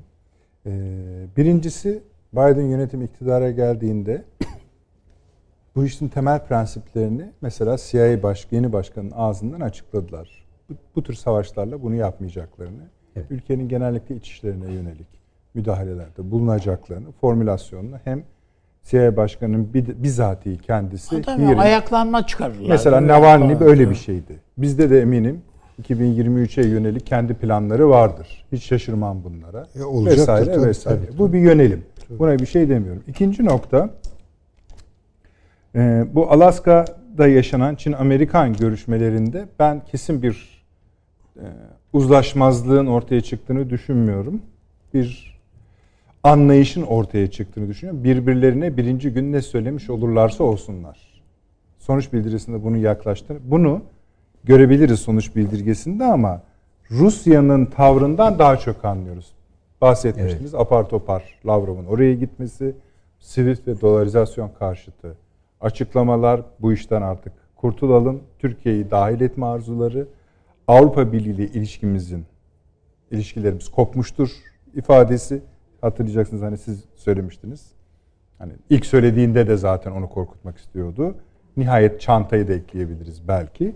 Bu tür şeyler. Ancak şu alanlar gerçekten çatışma üretebilir. Belki hani sevgili paşamın hani 3. Dünyasında savaşından bizim anladığımız 2. Dünya Savaşı tecrübesi olduğu için o kadar geniş bir perspektif Ya kuruyoruz cephe ama savaşı Cephe yani savaşı olmayacak değil zaten, O öyle bir değil şey zaten yok. yani. ama tabii. mesela Gürcistan çok bir şey tehlikeli yok. alev alabilir. Doğrudur. Ukrayna alev Ama alabilir. bakın Doğrudur. an- anlayamadığım şey şu. Tutun ki Gürcistan'ı benzinle alev içinde bıraktınız, ateş içinde bıraktınız. E ne olacak yani şimdi bu? E ne olacak? Savaş çıkacak işte. Hangi savaş Rus- çıkacak? Rusya açısından söylüyorum. Ya Rusya burayı ezer geçer söyleyeyim. Doğru. Zaten Ukrayna'yı da ezer Ama geçer. Bunu Yani hatırlayın. Bu Gürcistan'a teorinin sahibi olur. biraz Yani sizsiniz. arada. Avrupa'ya mesaj vermenin Ee, yollarından Yalnız da Ukrayna birisi bu. silahlı kuvvetleriyle birebir mukayese ettiğinizde direkt ezecek güçte değil. Ukrayna çok güçlü bir silahlı kuvvetlerin yan yana koyduğunuzda e, Ukrayna özellikle hava kuvvetlerinde, stratejik hava kuvvetlerinde Rusya'ya karşı ciddi bir Hocam üstünlüğü o var. zaman niye o şeyde O baş düzen- edemediler? Düzensizlik zamanında geldi. Ukrayna'nın kendi iç meseleleri Ha. buna yol açtı. Ukrayna silahlı kuvvetleri çok güçlüdür. Hem Karadeniz'deki donanma açısından hem de hava de kuvvetlerinde lojistiğini çok kuvvetli e, lojistiği de çok Yani- kuvvetli. Rus e, Rusya'nın şu anda elinde bulunduğu sistemlerin birçoğu Ukrayna'daki fabrikalarda Biz üretilmiştir. zaten Tesis olarak bir şeyler bu siyahların filan motorlarını Ukrayna'dan Tabii alıyoruz, tabii. mi? Yani e, Yani ordusunu ikame etme yeteneğinin çok güçlü olduğu söyleniyor. Yani altyapısı çok kuvvetli. Yani e, çok güçlü Belki Sovyetler öyle fakülteler hani var. Öyle yapmışlar zaten. demek. Tersaneler orada. E, hava kuvvetlerini ikiye bölmüşler. Stratejik uçakların üretildiği yer orası. Mesela hani, e, savaş helikopterleri Rusya'da üretiliyor. Mesela onun zayıf olan tarafı orası. Donbas'ta mesela bunları kullandı şeyler Ruslar. Süleyman Hocam kestik biraz sizi ama kusura bakmayın. Ha yok Şeyde- hayır yani Hani- bilemem. Ukrayna'da apseyi sıkarlarsa e, yani Ukrayna Rusya'nın kabul edeceği bir şey değil. Bence Bu konuda yer, etmez. çok haklısınız Asla ama buna etmez abanacaklarını anlıyoruz. abanabilirler. Şu Yani bu- sebepten Almanya'yı da düşünün. Yani onun Ama parçası. Ukrayna'ya aban eğer Uk- Ukrayna'da amacına ulaşırsa Çözüm e, orada kuzeyde Belarus var. Yani Beyaz Rusya. O- Orada da o- problemler o- var. Yani hepsi Yani- bunların yani Artık yol bu- olur diye. Bu Rusya için olmak ya da olmamak gibi bir noktaya getiriliyor. Buna ben de e, iştirak ediyorum. Yani başından beri zaten bunu söyledik. Yeni bir soğuk savaş rüzgarı estirecek. Ama o soğuk savaştan bir sıcak savaş türetme ihtimali bence çok zor. Çok zayıf. Yani bir şeyler yapacaktır elbette. Şöyle çevirelim yani. mi soruyu? Mesela şunu kabul etmiştik. Çin'i e, rakip, Rusya'yı düşman olarak tarif ediyor. Bütün E, onu da Tamam. evet biz burada Peki, söyledik zaten. Tabii mesele yok. Düşman olarak Rusya'yı tarif ediyorsa nihai hedefi Nihai hedefi bence bir kere Avrupa'ya tam çökmek. tamam. Bunu söyleyebilirim. Birinci derecede bu. İkinci derecede Çin e, Rusya işbirliğini ortadan kaldırmak budur. E, ve burada bence daha çok da baskın e, yönlendirici İngiliz dış politikasıdır. Çünkü hatırlayalım başından beri bu Rusya'ya karşı çok böyle alerji duyan açıklamalar. hep öyle yani. Hep öyle. Nefret başından ilişkisi. beri. Ha, nef- Nefret. Yani sebebi şudur. Eğer Rusya-Almanya ilişkisi güçlenirse bu Avrupa'yı da güçlendirecek olan bir şey. Rusya-Fransa ilişkisi de buna dahil olursa bu İngiltere'nin hiç istemediği bir şey. Onun için Paşam'ın da söylediği gibi kuzey hattını istemiyor İngiltere. İngiltere'nin istediği orta hat. Yani Kafkasya üzerinden Türkiye ve dikkat edelim Kafkasya'da İngiltere'nin aldığı tutuma. Yani bunu istiyor. Evet. Daha aşağıdaki hat için esasında Yunanistan'ı da açıklıyor mesela bana sorarsanız. daha daha aşağıdaki hat yani Kerkük şey pardon Katar üzerinden Kuveyt üzerinden Körfez petrolünün taşınması Akdeniz'deki yeni kaynakların Avrupa ile buluşturulması meselesi ucu açık bir şey. O, o konuda henüz ne olduğunu bilmiyoruz. Ama Kıbrıs'ta varlık göstermesinin sebebi vesaire bu. Yani Rusya'yı ekarte etmek istiyor. Burada Amerika ile paralel davranıyor. Paralel gidiyor. Ama mesela diyelim ki aşağıdan gelen hat konusunda. Çünkü Amerika'nın Avrupa'ya bakışı enerji politikaları açısından şu. Ben getireceğim diyor. Bırak hepsini bir, bir tarafa. Halbuki İngiltere'ninki o değil. İngiltere bence bu e, Türk hattı bunu destekliyor. Buna buna rıza gösteriyor. Niye? Çünkü orada çok büyük yatırımları var. Peki. Böyle bir şey var. Bu Ya Çin meselesine gelince İngiltere Çin meselesi, İngiltere Çin meselesi Hong Kong'da krize girdi. Bunu aşamadılar. Aşamayınca İngiltere Amerika'nın da yer yanında yer alarak Çin'e şunu söylüyor. Bak beni kaybediyorsun. Dikkat et. söylemiş kadar oldu zaten. Tabii ki. Evet. Bir Myanmar var devrede. Bir de tabii Myanmar var. Yani aynı zamanda bu e, Yeni Zelanda bilmem e, Avustralya gibi çok kritik yerlerde benim arazilerimdir. Evet, bunu da bil. yani. Flört etme onlarla diyor. Yani. biz- Bizim Tabii nasıl devlet başkanı ya Cumhurbaşkanı seçildiğinde ilk ziyareti Kıbrıs'a yapıyorsa e, İngiltere kralı, kraliçesi, prensi neyse, Neyse. Onlar da işte Yeni Zelanda'ya, Avustralya'ya, Güney Afrika'ya yapıyorlar. Peki. Ee, Süleyman Hocam bu Orta, Ir- Orta Doğu'daki NATO ve e, şimdi bu konuyu konuşmadık değil ve orada Türkiye'ye paşamın söyledi. Benim o, o- benim aklım oraya takılı kaldı. Benim de oraya takılı kaldı. Bu yani belki paşam şey. orayı açarsa iyi olur. Ha, bunun Çünkü tarihi kökleri var biliyorsunuz. Bağdat bak bilmem ne şu bu falan filan. var da Hayır, yani tarihi kökleri yani ilham ayrı. verici kaynaklar bulunabilir de ama gidişatın bu yolda olduğuna dair ben bir şey Hayır, o görmüyorum. ilham verici kaynaklar dersler de söyler bize biliyorsunuz yani. Ha, başka- tamam, tamam. muhakkak. Ama, Ama şu, Şu, eğer şu veri var ama. Şimdi Adam paşamın- burada bir şey yapıyor. Tamam paşamın bizi beslemesi gereken o konuda biraz daha ayrıntılı bir değerlendirme yapması gerekiyor bence. Yani Türkiye'yi bir şekilde ikna edebilir Amerika Birleşik Devletleri. Madem bu kadar Türkiye kıymetli. Alır şu PKK'yı ensesinden tutar. Türkiye'ye teslim En eder. azından hocam bütün bağımı kopardı. FETÖ- Fethullah Gülen'i verdi mi der. Onu da verir. Der. Tamam mı? Yani ne istiyorsun bu kardeşim? Sen yani bunu. S-400'leri istemiyorum ben sende. Rusya ile olan e, bağını da e, kapatacaksın. İlişkilerini kapatacaksın. Olur Güzel. mu? Hayır mesela. Ha, diye- Ha, Şimdi olur, örnek, örnek veriyorum. yani. bu Hayır, ben de- akıl yürütüyorum. Türkiye kapatabilir yani. Kapatab ama mesela Ama bunun karşılığında karşılığı olacak tatminkar bunun. karşılığı şu olur. Alır PKK'yı tasfiye. PYD'yi bitirir. Hatta hatta ben size bir şey söyleyeyim. Daha ileri bir Musul'la Per, Kerkük'ü de verir Türkiye. Bakın Türkiye o zaman ne güzel bir NATO E ülkesi. Siz ke- şimdiden Hayır. razı oldunuz Süleyman Hayır, Hocam hayır zaten. razı oldum Canım, diye değil yani anladım ama yani, canım. Yani bu bir bir NATO, Orta Doğu ya? Yaptı işte Süleyman Hocam Türkiye, pazarlığı. hayır e, tamamen Ben zaten kurgusal. pazarlığı Süleyman Hoca'ya yaptım. Yaptırırsanız ben bunları isterim. Pazarlığı bana yaptırırsanız Kerkük ve Hocam bakın Musul'u istiyorum. yani bir şey attınız ortaya maşallah. Hayır, çok Hayır, önemli. şöyle, Şimdi bak Amerika aynı söyledikleri. Ben çok ilham Amerika verici. bunların farkındadır yani bilir yani.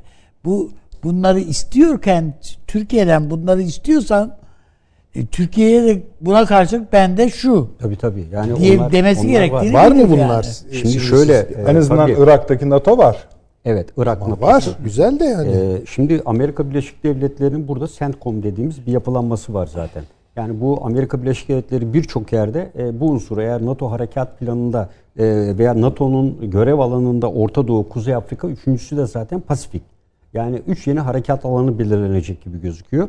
E, dolayısıyla Pasifik'i e, tabii e, bunu temsil edecek. İngiltere e, NATO adına gitmedi oraya şu anda 2022'de. Kendi adına gidiyor. Ancak NATO kapsamında olursa tabii e, NATO'nun e, işte Fransa'da bu kapsamda gidiyor. Queen Elizabeth'i, e, diğerin De Gaulle'ü götürmelerinin temel nedeninde de bu var. E, bunun dışında zaten uçak gemisi olan İtalya'nın biraz ufak bir gemisi var. Bir de İspanya'nın var. E, bu ülkelerden nükleer silahı da olan bir tek Fransa var zaten. Bu şey ülkelerinden, Avrupa Birliği ülkelerinden İngiltere var. İngiltere tabii bir hamle daha yaptı. Yani Putin çantada taşıyorum dedi ama kendisi de ne dedi? 180'den indirmiyorum, 260'a çıkarıyorum nükleer silah dedi. Ve Ha, bu evet. Tabii e, bu önemli bir mesajdı. Rusya. Yani Rusya'ya karşı. Evet. tabii, tabii. E, dolayısıyla evet. Yani bunu e, dikkate almak lazım. Diğerinde Amerika'nın hem Avrupa'da hem de Türkiye İncirlik dahil üstlerindeki bütün nükleer silahları en yeni teknolojiyle değiştirmiş olması. Bu süreçte tamamlandı. Öncekilerde söyledik.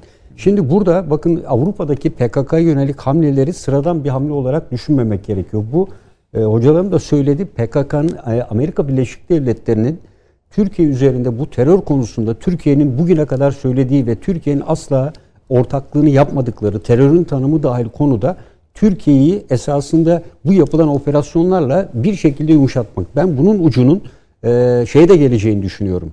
E, YPG'ye de geleceğini düşünüyorum. E, çünkü Amerika Birleşik Devletleri şunu anladı. Buradaki PKK ve YPG burada olduğu sürece ne buradan güç çıkacak, ne burada istikrar olacak, ne de anayasa görüşmeleri gerçekleşecek. Ve Türkiye'nin burada sınır güvenliği sağlanmadığı sürece ileride de bu sorun tekrar gündeme gelecek. Şu anda ne İran ne de e, Suriye'nin e, bir toprak bütünlüğünden asla söz etmek mümkün değil. Hiçbir Doğru. zaman da olmayacak. Papa'nın ziyaretini bile bu doğrultuda düşünmek gerekiyor. Yani Papa'nın ziyareti salt e, işte doğru, dedik ya bu kapsamda değil. Yani bunların her biri esasında Amerika Birleşik Devletleri'nin bir eylem planının e, bir süreci olarak düşünüyorum. Burada da Amerika, Türkiye ve Katar ilişkileri ama Katar Rusya ile olan işbirliğine sıcak bakmasaydı Amerika'nın e, Katar'ın e, bu üçlü mekanizma içinde yer alacağını da pek düşünmüyorum açıkçası.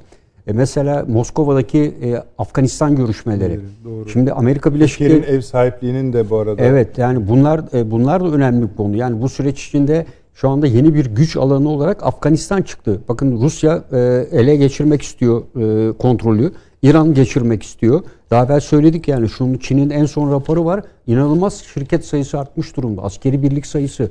ilk kez bir yerde askeri birlik bulunduruyor ve eğitiliyor. Taliban onlara eğitiyor. Hep devam ediyor şu anda dağlarda. Ve Çin ilk kez bir yere askeriyle girdi. Bugüne kadar hiç girmemişti. Hep sivilleriyle yer alıyordu. Afganistan ciddi bir çıban başı e, olacak gibi görülüyor.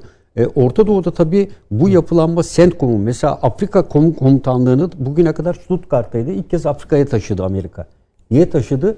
Ve Hint Pasifik Komutanlığı'nı kurdu. Niye kurdu? NATO'nun yeni harekat alanıyla bugüne kadar NATO kapsamında da bütün NATO'nun harekat alanlarının her birinin içinde Amerikan birlikleri var. Soyadı komla bitenler.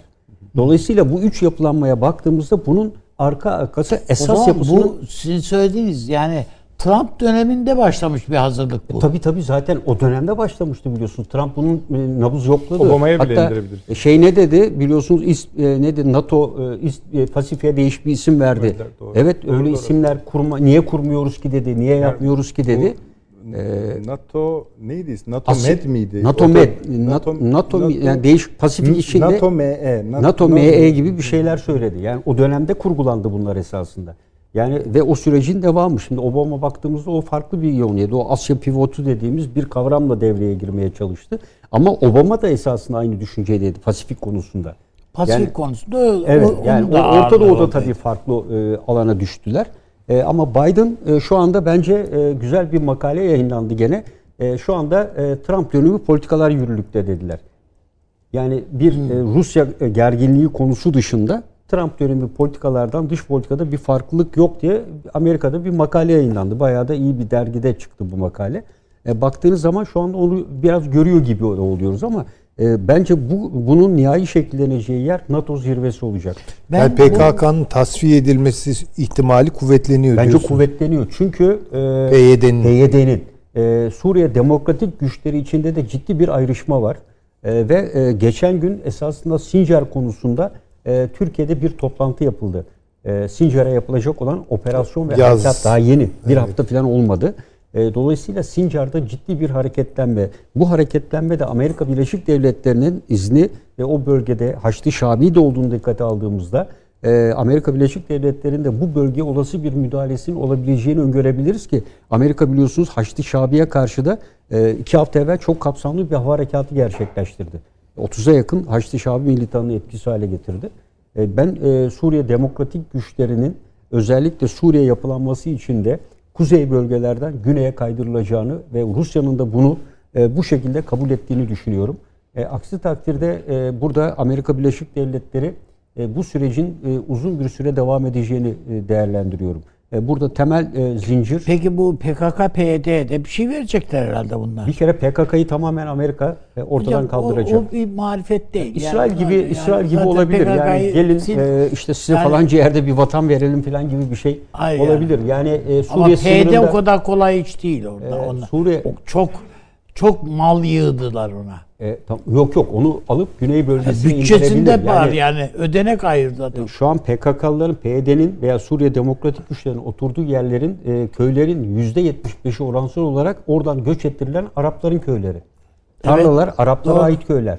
E, dolayısıyla bunlar esas sahipleri şu anda göçmen durumunda zaten. Başkalarının topraklarını gasp etmiş durumda bu insanlar. Suriye'de yeni sürece geçtiğinizde herkes Paşam kendi bunu bilmiyor mu Amerika? Bunu biliyorlar yani. İşte biliyordu. O zaman da biliyordu zaten ama bunlar biliyorsunuz e, rahmetli Süleyman Demirel dün dündür bugün bugündür politikası. Yani bunun Orta Doğu bu şekilde çözümlenmeden ve bunun Netanyahu'nun bir koalisyon oluşturma seçimiyle de bağlantısı olduğunu da düşünüyorum. ha, yani o- evet. E, yani buradaki şu anki e, yine geçen günde iki gün evvel de yine İsrail uçakları Adam Şam zaten güneyine- Mekke'ye Evet. uçak seferleri düzenleyecekmiş. Zaten- Kampanya vaadi o. Evet. Seçim kampanyasındaki şey o. Biraz hocam tamam mısın? Utanmasa hacca Yani tabii gideceğiz. e, yok sorularım cevabını aldım. Ve tatmin İzleyeceğiz. Yok. Şey. paşama şey, e, hocama havale ettiğimiz için rahatladık tabii. Yok. Yani arkasında destek olmuyor musunuz? Ne, ne demek Hayır ben ben işte benim ben e, yarın Sayın Cumhurbaşkanı yapacak konuşmada aslında paşanın analizinin işaretlerini arayacağım yani yarın esasında. Orada ısrar Yani seçimlerini- ya da bir takım Yok o çok iz arayacağız. Mesela şunu da tabii e, son dönemlerde yani Suriye'den şu son bir haftadır mesela hiç Hulusi Akar Paşa hiç konuşmadı. Evet. Konuşmuyor. Yani şunu söyleyeyim savaş çıkarsa nedeni ben değilim yani. Ben harekat planını ortaya Ha, koydum. tamam. yani e, mesela kon- konuşuyor olsaydı onun yani yarın mesela evde veya bu gece olmaz da artık yarın evde e, bir bakıma bir Hulusi Akar Paşa'nın konuşmalarını ben de işte tahlil etmeye çalışacaktım. Oradan Avrupa ipuçları çıkar diye bakıyordum. Bakacaktım. orada e, bu Suriye'yi de bence bir bu akşam bir konuşalım şu sebepten. Bizim e, kontrolümüzde olan, gözetimimizde olan diyelim bölgelere yönelik saldırılar vardı nihayet. Bunların Rusya Suriye'den geldiğini biliyoruz. İdlib özelinde de oldu. Bu işler şimdi bunun bu Şimdi Rusya ile görüşülüyor bu konuda. Tamam. biliyorsunuz. Tabii Tamam yani elçisini de çağırdık. Evet. Askerler kendi aralarında da konuştular. Ama herhalde bunun bilmeden yapılması diye Tabii, bir şey tabii, söz konusu bile değil. değil. tabii. Göz göre göre bağıra bağıra. bir mekanizma Yani- kurulduğu söylendiği Ne, bir sırada. bize söylediği nedir bu saldırıların? Yani ne anlatıyor bu saldırılar bize? Ne mesaj vermek istiyor Ruslar ya da Şam? Arkadaş daha ileri Hangi- gitmedi. Kon- tamam da Yani bilmiyorum bana göre öyle. daha ileri gitmedi. konjonktüre Am- itiraz ediyor gibi sanki. yani- Amerika ile olan e, burada biraz evvel dediğim yani e, o senaryo kapsamında e, Türkiye'nin e, bu konuda e, e, Amerika'nın Türkiye'ye bir takım tavizler vereceğini yani bu PKK konusunda e, vereceğini ve özellikle bu e, Türkiye'nin şu anda e, operasyonlarla ele geçirdiği bölgelerde bir şekilde Türkiye'nin kalıcı olacağını düşünüyorlar ve bu süreç öncesinde aldıkları izlenimlerle İdlib konusunu hızlı bir şekilde çözümlemeye uğraşıyorlar. Türkiye'nin orada yaptığı biriket evlerle göçmen hareketini engellemesi, orada altyapı, sağlık tesisleri ve diğer tesislerle açması ve Birleşmiş Milletler'in de buraya sürekli gıda takviyesi işte e, günde 300-500 Avrupa Birliği'nde de Evet. hatta bu göçmenlerin nakli meselesine hız verin diyor hız verin Türkiye'ye. diyor. Evet. Yani e, bütün bunlara baktığımızda e, burada Rusya'nın bir şeyler hissettiği veya duyduğunu ve bu süreci hızlandırarak e, en azından tabii bu burayla bağlantılı kalmayacak. Afrin dediğim gibi yani bu İdlib olunca sıra Tabii, Afrin'e tabii, tabii, gelir. Afrin'de. E, yani e, bu e, konu Rusya açısından e, özellikle Türkiye-Rusya ilişkilerinin Türkiye'nin isteğiyle herhangi bir şekilde gerginleşmesi ve aranın açılması halinde İdlib saldırılarını daha da artacağını düşünüyorum. Yani bu NATO zirvesinde Yani alınacak kararlar şey Şimdi mi? orada Evet. çünkü Rusya'nın dışında rejim güçlerinin şey, rejimin katkısı var, PKK'nın katkısı var. e, Hepsini milis- yani İranlı, İranlıların var. İran milisleri e, varlıklarını sürdürebilmek için yani Yani şunu da birleştirmeyelim mi? Türkiye'ye karşı hepsi ittifak halindeler. Yani sadece Rusya meselesi değil. Rusya sadece yol açıyordur yani. Kap- kapıyı açıyordur o kadar. Türkiye'nin işte bu AB, NATO, ABD sıcaklaşmaları. Paşamın o analizine katılıyorum ben. Peki. Yani e, Amerika'nın şey, Ruslar da kokuyu alıyorlar canım yani. Tamam ama mesela şunu peki şunu birleştirir misiniz iki olayı? Hani bize yönelik öyle söyleyelim saldırılarla bugün Amerikalılara yönelik yapılan saldırı arasında bir rabıta görüyor Evet. musunuz? Yani o elbette görüyorum canım. Yani o ol- olmaması mümkün mü? Yani e, arkadaş burada biz varız yani hani araziye bizim gece araziye gece kondu mu kuruyorsun derler adama yani bu. Biz varız burada diyor Amerika. Bu öyle üstelik Tapuyu diğer yaptın ülke- or- oranın tapusunu yaptın hayır hayır. Yani Rusya açısından öyle. zaten Golanlar Rusya öyle yapmıştı bakıyor. Trump. Tapu imzalamıştı ya. Ya, Doğru. Tabii doğru. Rusya açısından öyle bakılıyor oraya. Adam burası benim diyor. Ee, Ve bir de başka bir ülkeyi ama başka bir ülkeyi vurmaya benzemiyor. Am- Amerika'yı vurmak. Yani orada iki tane Amerikan askeri yaralandığı anda efendim O asker- İranlı İranlı 50 tanesini öldürmüş olsam hiç aynı. Denge, dengesi aynı yani. Zaten yarın bir harekat veya bu gece bir harekat bir yerde Tabii. beklenmeli yani. Onlara beklenebilir. arkadaşlar onlara da bir bakalım hani o yaralan. İsrail'den iki füze bir yerlere Tabii, tabii, mutlaka. falan. Peki Süleyman Hocam siz bu konuda bir şey söyleyecek misiniz? Yani tabii şimdi düşünüyorum bu e, paşanın kurmuş olduğu çerçevenin mahvetti bu akşam bizi. Bugün, bugün evet formunda paşamız. Düş, çok düşündürücü şeyler söylüyor ama o ölçüde Paşam de ama- soru işareti O- tabii. Hocam ama karlı çıktınız yani. Evet ben kârlı çıktım. bu Biz daha masaya gelemeden pazar. Buyurunuz. Ee, yani takip etmek lazım. Şimdi tabii çok güncel bir olay.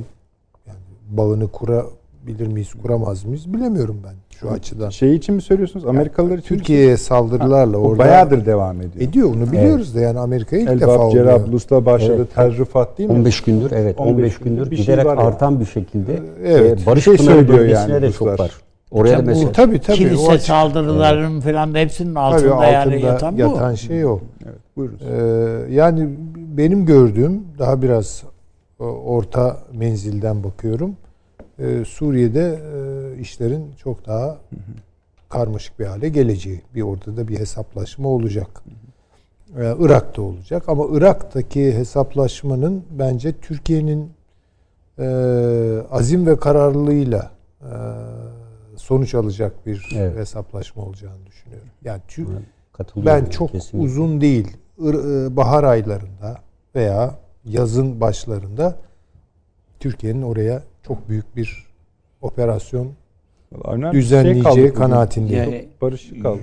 şu, yani e, Sincar için Amerika izin verecek mi paşam Evet, sizce? verecek. Verecek değil mi? verecek. Haçlı Şabi'nin eline geçiyor aksi takdirde.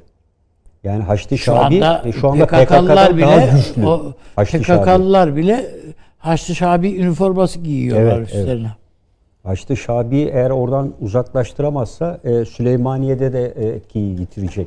Yani Haçlı Şabi'nin güçlü olduğu bu hat İran'ın Suriye'li olan birleşimini sağlayan, irtibatını sağlayan hat. Sincar e, Haçlı Şabi açısından da önemli. Ama Haçlı Şabi'nin bir fonksiyonu da var. Yani daha evvel de konuştuk. Haçlı Şabi aynı zamanda e, 2016 yılında anayasal e, anlamda da bir anayasaya kaydırılan bir Tabii güç gibi de öyle görünüyor. yani. Tabii. Irak Ne kadar ordusunun öyle- parçası. Evet, yani öyle de bir yapısı da var. Yani sonuç olarak Süleyman Hocam uzun zamandır akıl odasında ilk defa Batı ağırlıklı yorumlar çıktı. Batı ağırlıklı derken Yani, yani Batı'nın etkisinin yoğunlaştığını gösteren ay bunu paşamız e, iddia ediyor. ama şöyle bir şey hayır, sadece o değil ki işte bu zirveler de öyle. Ama bir sürü zirve var. Bakın şimdi Katar, şimdi- Rusya ve Türkiye'de bir Türkiye'nin ortak irade geliştiriyor. Yani mesela ne- nasıl değerlendireceğiz bunu? Hocam Yani bu esasında doğal Katar'ı- yani. o- orada da bir Amerikan senedir, var. son bir senedir Katar toplantısında. Doha'da zaten 10 bin tane Amerikan askeri oturuyor. şey e, son bir senedir, bir buçuk senedir bu Trump ha gitti ha gidiyor bir bilmem ne filan yüzünden zaten e, Irak'ta, Suriye'de Amerika'yı dahil ederek hatta Libya'da bile Amerika'yı dahil ederek bir analiz yapmak yapılamıyordu. Yapım, yapılmıyordu yani. Hatta Trump'ın bu buralarla uğraşmayın kardeşim havasında olduğunu düşünüyorduk. Ama bu herhalde Pentagon'un da buraları sildiği attığı manasına gelmez. Şimdi adam ufak ufak geliyor işte. Dalgası. Dalga geliyor bu tarafa. Şimdi dolayısıyla yani bunların mutlaka bir yansımaları olacaktır. Eğer bu yansımalarda Türkiye kartlarını doğru oynarsa ama bu işte paşama orada bir çekince koyarak söylüyorum. Yani Türkiye e, Rusya'ya tamam kardeşim yani buraya kadar ne yapalım deyip e, yüzünü bu tarafa dönebilir mi? E, Gere- ben o, o şöyle kadar gerek kolay kalmayacak. değil yani. Ya ben tamamen aynı düşünüyorum. O kadar kolay değil. Tabii, şu, yani şu o- sebeplerden de değil.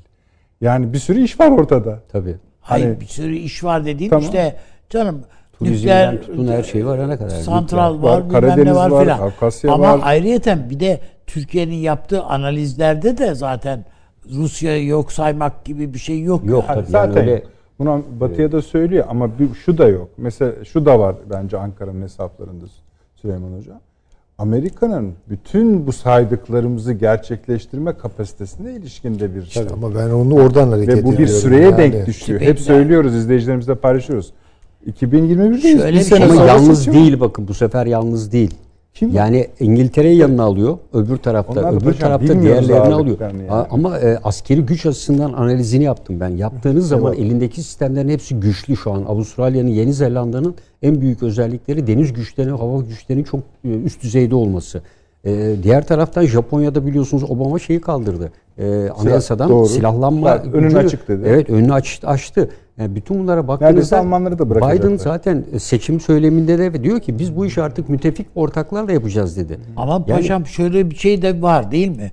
Ee, Çin'in e, en yetkili adamları söylüyorlar. 5 yılımız var. E, ordu için değil ama. E, Genel ordu ordu için deniz kuvvetlerinde şu anki hızıyla bile gitse eğitimiydi ve bu konuda hakim olması için en az 10-12 yıllık bir süreleri var. E, bu sürede tabii Amerika'da yeni e, nükleer denizaltılar, yeni e, uçak gemileri e, mesela bunların içerisinden İngilizlerin e, biz biraz su alıyor falan dedik ama Queen Elizabeth nükleer e, güçle çalışan en modern denizaltı sınıfından birisini oluşturuyor. E, Amerika'da çok ciddi silah sistemleri üretiliyor. Yani burada ismini bile duymadığımız e, yönlendirilmiş. Mutlaka vardır hocam. Tabii, Tabii tabii çok de ama Çin de kendi dengelerini için yani ileri bir Çin'in teknoloji. ana görevi şu anda silahlı kuvvetlerin modernize edilmiş ve harekat planına göre ki ben de şu anda bir kitap bölümü yazıyorum bununla ilgili de e, Çin'in askeri gücü konusunda o yüzden biraz fazlaca okudum kısımları. E, Çin şu anda ana kıtasını birinci görev olarak Amerika veya benzerinin saldırılarına karşı korumak. Şimdi Önce mesela tesis etmek. adalarda adalarda neredeyse adalar Amerikan oluştu. ordusuyla ya Amerikan donanmasıyla karşı karşıyalar. karşı karşıya ve sık sık teğet geçiyorlar Amerikan yani. savaş gemileri girilmeyecek denilen yere giriyor. Giriyor tabii. Üç defa Şu- girdiği yerler var yani. Anladım Çin- ama aynı şekilde Çin'in de agresif yani Tabii. oradaki tavrı. Ya ama bence paşam burada sorun şu. Hiç yani Amerika burada öyle- bir çatışma arıyor mu? Aramıyor, aramıyor. mu? Bir, iki. bu kuşatmanın ya bu Aslında- Tayvan meselesi var. ta- Bu tam kuşatmanın bakın Kuşatmayı. hayır. Şimdi kuşatmanın temel nedeni bir askeri harekat icra etmek değildir. Askeri harekatın ilk temel nedeni caydırmadır. Yani e, Çin'in etrafında siz anlaşamadan bu kuvvetleri tutarsanız Çin kendisinin Rusya ile olan işbirliğinde buradan kuvvetleri ayırarak Rusya'ya destek götüremeyecektir. Bu kadar basit. Peki. Yani e, bir ülkeyi baskı altına alırsanız diğer ülkeye takviye ve destek yapamaz. E, buradaki temel strateji Çin'i mümkün olduğu kadar Rusya ile olan bu bir savaş olabilir, bir yaptırım olabilir. Çin'in güçlerini bu bölgede tutarak Rusya ile olan bir stratejik ortaklık veya işbirliği kapsamında kuvvet kaydırmasını engellemektir. Yani temel temel maksat bu. E, Rusya'nın da e, temel amacı o. Yani her iki tarafında gücünü kendi bölgesine bağlıyor Hocam şu herhalde anda. bu Ruslar bu Mançurya harekatını okumuşlardır. Tabii. Yeni baştan değil mi? Tabii. Nasıl Yani çuvalladıklarını burada biliyorlar aslında yani. Putin çok iyi aynı okumuş. sayfanın farklı e, şeylerini, paragraflarını okuyor gibiyiz. Siyasi okumalarımızda paşamın dediklerini tutmadığı yerde. Paşamın söyledikleri için de bizim daha tutarsız kaldığımız yerler var. Çünkü aslında ayrı okuma yani savunma sistemine ilişkin, e, savunma bakışına ilişkin, ulusal güvenliğe ilişkin okumalarla politik okumalar yüzde yüz denk düşmüyor, uyuşmuyor. Böyle bir durum var. Doğru. Tamam, Doğru yani ama bir Peki bakma şöyle yani sadece Ben yani Kızıl Ordu geleneğinin çok daha yangın çıkarmaya müsait bir gelenek olduğunu Tabii tabii. düşünüyorum. Kızıl Ordu'da zaten Yani, o var. Yani çok öyle fazla şey e, düşünmüyorlar önünü ardını bir şey yaparken. Bu e, Stalin döneminde de böyleydi yani felaket gidiyordu. Sonrasında da Rusya gayet e, bodoslamasına hareket etti. Adam Birleşmiş Milletler'de ayakkabısını çıkarıp masaya vuran adam yani. Yani Değil bakın yani? e, şeyin En medeni adam soğuk bu. savaş soğuk savaş döneminde Rusya'nın Sovyetler Birliği'nin iki kademeli taarruz gücü vardı. Yani birinci kademe ve ikinci kademe. Bunu belki bilmiyorum söylemiş olabilirim ama e, burada 1'e 8 üstünlüğü vardı Rusların şey Sovyetler Birliği'nin batıya karşı. Amerika'dan güç kuvvet ne getirirseniz getirin sorun çözülmüyordu. Bu arada işte bir matematikçi ortaya çıktı ve F-117'yi çözdü. Görünmez radar. Ve FOFO konseptini geliştirdi. Yani tamamen ikinci Ben kademe Taymun taarruz. Kapağı'nı hatırlıyorum mesela. 24 Evet. saatte Napoli'de de demiştir Rus Evet. tankları için. Öyle bir şey Evet. gücü vardı, zırhlı gücü vardı. 24 saatte Napoli'ye gelirler demiş. Ama iş artık z- z- yani zırhlı Tabii tabii canım, ben o zaman için işi söylüyorum. değil artık. O yani. zaman için abi, tabii Bitti yani o onun- işler. Süleyman Hocam bir şeyler söylüyordu. Pardon. Hayır. Yok, yok. Ha, tamam. yani eğer bu senaryo işlerse ve Rusya'yı ilk defa bu kadar köşeye sıkıştıran adımlar atılırsa sonrasını tahmin etmek, projekte etmek Tamam. falan Çok zor. bir Yani oyun hayır, olarak bu, görüyorsunuz. Bu, bu çok korkunç şeylere gidebilir. Yani bu şimdi Rusya devamlı bekleyecek ve devamlı e, guard Yani pozisyonunda esasında maçı iki tane yani bütün bu konuşulanlar içinde diyorum paşam mesela bu akşam çok madde saydı hakikaten yani 40'ın üzerinde şey söyledi. Bazıları birbiriyle bağlantılı bazıları değil ama o üstteki iki soru duruyor. Birincisi nereye varacaksın? Çok Tabii tehlikeli çok bir oyun. tehlikeli bir oyun. İkincisi Amerika bu mu? Cevap verin diye söylemiyorum. Ona cevap verdi, Verdi ama tamam. yani tamam. O soru ki, bence duruyor daha yani. e, de bence Tamam. de duruyor. Tamam. Hala çok kapasite Öyledir. meselesi. Yok yok ama bunlar oluyor. Bu vakalarda yaşanıyor. Biz de bunun içine Türkiye'nin yerini bulmaya çalışıyoruz. Evet, Süper. evet. Yarın da inşallah bu zirvelerin ardından bulacağız. Bir reklama daha gidiyoruz efendim. Kısa son reklamımız hemen birlikteyiz.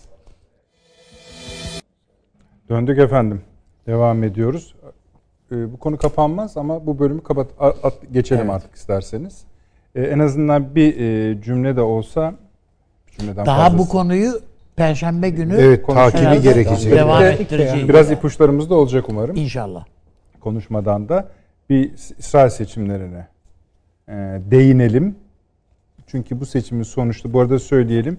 Bundan bir saat kadar önce şey e, Netanyahu e, seçim e, çalışmaları kapsamında gezilere devam ederken gittiği bir restoranın ya- yakınına füze düştü. E, ajanslar bunu geçiyorlar şu anda. Bu seçimler şu açılardan önemli. Bizim kısmımız açısından söylüyorum. İsrail-ABD ilişkileri açısından daha doğrusu Kim atmış olabilir o füzeyi? işte yani aslında Belki e, kendileri atıyorlar yani. Evet, onu da Herkesin, seçim kazanmak için bir taktiği vardır, vardır. yani. Bu bunu yaparlar. Doğru Tabii. söylüyorsunuz. Önemli çünkü e, Türkiye, e, İsrail, Amerika, daha doğrusu İsrail Biden ilişkileri açısından önemli. E, Türkiye İsrail açısından kimin kazanacağı önemli ve orada da yani küçük bir ülke parlamentosunda da aday olan çok fazla parti var. 120 sandalyeden 37 partiye nasıl iş çıkacak bilmiyoruz ama son rakamlar, son öngörüler, anketler, kamuoyu yoklamaları Netanyahu'nun önde gittiğini ama tabii bu şu demek değil. Yani tek başına alır götürür gibi tablo ortaya çıkacak gibi değil. Ama yine bir koalisyon hükümetini işaret eder gibi gözüküyor. İsrail'den bütün bu tabloya birçok şey konuştuk bizle ve Orta Doğu ile ilgili olarak Akdeniz dahil. Amerika'nın bu politikalarına ilişkin oralarda bir sessizlik var. Seçim nedeniyle deyip sıyrılabiliriz. Ama genel olarak İsrail ilişkide bulunduğu ülkelerle de Körfez ülkeleri şudur sahip İran politikaları konusunda dahi bir sessizlik var Tel Aviv'de. Ne düşünüyorsun? Ben e, yani Netanyahu kazansın mı mesela? Bana göre kazanma yani diğerlerin daha daha farklı mı? Yani Hep çok- biraz hani hayır, sıfırlama gibi bir şey Yok, aranıyor ya yani onlar- daha onlar- rahat hareket onlar belki, belki. e, bazı bazen bakıyorsunuz şu daha derli toplu dediğiniz insan daha farklı şeyler oluşturabiliyor. Netanyahu Türkiye konusunda ne kadar olumsuz şeylerle e, geldiyse de bugün geldiği nokta aynı nokta mı? O konuda o kadar kesin bir şey söylemek mümkün değil. Yani Türkiye ile ilişkilerin ne kadar önemli olduğunu, gerekli olduğunu filan hep onun etrafındaki siyasilerden, bürokratlardan filan işittik, duya geldik. Hatta eski Mossad başkanının filan konuşmaları. Kaldı ki biz de yani Türkiye'nin İsrail Burada ile çok özür diliyorum ilişkilerinin abicim. Ee, İsrail'de sandık çıkış anketlerine göre ilk sonuçlar geliyor. Başbakan Netanyahu'nun partisi Likud 33 milletvekili çıkararak seçimleri önde tamamlamış görünüyor. Bunlar güçlü Yani verilerdir. olabilir. Ben e, o bakımdan e, özellikle Doğu Akdeniz meselesiyle alakalı olarak bu e, hidrokarbon kaynaklarının işletilmesi meselesi, burada İsrail ile e, Türkiye'nin işbirliği yapıp yapamayacağı konusunda filan daha kolay çözümler olabileceğini düşünüyorum açıkçası. Ha onun ötesinde zaten e, Türkiye'nin çekinceleri özellikle Filistin'le alakalı şeyleri devam edecektir, ediyor ediyordur. Ama bu Netanyahu'yu inşallah yaşananlar, orada yaşananlar e, Filistin'le alakalı olarak e, bir şeyleri kabul etme noktasına Filistin'le alakalı olarak getirmiş olabilir. Biden yönetiminin çok sıcak bakmaması bir avantaj mı Türkiye açısından? İsrail'e. Tabii. Tabii. Peki. Süleyman Hocam. Yani şimdi tabii verilere ne kadar güvenip bu değerlendirmeleri yapıyoruz ama sizin e, bize ulaştırdığınız 33 çıkmaz taze da 32 çıkar yani. evet taze haber Netanyahu'nun en azından bir koalisyon Ana olsa ortak olarak. E, iktidarını sürdüreceğini gösteriyor. Bunu nasıl değerlendirebiliriz? Bunu şöyle değerlendirebiliriz. E, Trump dönemindeki Netanyahu, Biden dönemindeki Netanyahu olmaz. Güzel. Nasıl bir Netanyahu olur? O zaman dediğim gibi şeyi büyüteceğiz, masayı büyüteceğiz. O zaman şuna bakacağız. İşte paşamın söylediği o Orta Doğu NATO'su kurulacak mı? Burada İsrail'e nasıl bir pozisyon öngörülüyor? Buna göre Türkiye Evet. aynı NATO'da yerini alacaksa Yani üstelik masada pivot huzurlu bir gün yaşa- yaşayamaz. bu, bu masa huzursuz e, zihin e, sendromundan muzdarip. Peki. Ee, yani dolayısıyla bir yeni NATO yapılanması içerisinde Türkiye-İsrail ilişkilerini o zaman konuşacağız. Onu bilemiyorum tabii. Yani Evet. eğer e, işte diyorum ya bu Yani ce- celsenin bu gecenin iyice yani. bu gecenin e, yıldızı. Evet. yani o çerçeveyi tabii e, hep tartışmak lazım. Önemli şeyler söyledi. Eğer burada Tabii, bir Orta Doğu NATO'su kurulacaksa yani e, koşullu konuşuyorum. O zaman yeniden Türkiye-İsrail ilişkileri gündeme gelecek demektir. Hele hele o aradan PYD tuğlası da çıkarsa Tabii. yani Evet. o zaman tabii çok başka bir şey çıkar ortaya. Allah Allah. Bunu bilemiyorum. Bugün ne, neler Evet. söylediniz? Hayır ben ama hep koşullu konuşuyorum. Yani gayet- biz de zaten Ama herkes olan herkesin taşları Efendim, yerine koyduğumuz için Burada yerinden bir küresel taşlar. konsültasyon yapılıyor. Doğal olarak yani bunları Evet. Yok konuşmamızla ben bu kadar koşullu konuşmamız lazım. Evet ben tabii şunu söyleyeceğim. Şu anda e, e, niye İsrail Körfez ülkeleri yani hocam söyledi ya ben şuna bağlıyorum. Körfez ülkeleri e, şu anda e, Biden'ın e, hiçbir üst düzey yöneticisi daha henüz Orta Doğu'yu ziyaret etmedi Papa dışında. Yani Papa'yı sayarsak kapsamda e, ne McGurk bile gelmedi. E, Yani e, ve e, Dış Savunma Bakanı ve Dışişleri Bakanı ikisi de soluğu nerede aldılar? Uzak Doğu'da aldılar. Ee, ve şu ana kadar Biden'ın Orta Doğu ile ilgili hem İran'la olan nükleer anlaşma konusu ve diğer konularda bir netleşme yok. Bir tek şu anda sabit olan bir şey var. Yemen'de Suudi Arabistan'la Birleşik Arap Emirlikleri'ne bu işi beceremediniz deyip el koymaya çalışması. Ama Husiler şu anda Suudi saldırıyı Arabistan şey Evet. yaptı. Evet. Ateşkes, Ateşkes dedi. Evet. Onu teslim say sayar, sayıyor muyuz esasında? E, Ge- yok tam ateşkes say- teslim saymayız. Tabii hani ama politik olarak Politik geri olarak adım atmak. geri adım. İran da destekledi. E, evet ama Husiler devam ediyor. Yani şu anda Husileri kimse durduramıyor. Evet. Ee, tabii Birleşik Arap Emirlikleri de hep söylüyoruz. Aslında Ee, nedir bu, abi yani? e, Amerika'nın o zamanki bu bölgeye olan 250 bin etkisizliğinden oldu. Sukarto Adası'nı ele geçirdi biliyorsunuz Birleşik Arap Evet. Emirlikleri. Kritik bir yerde.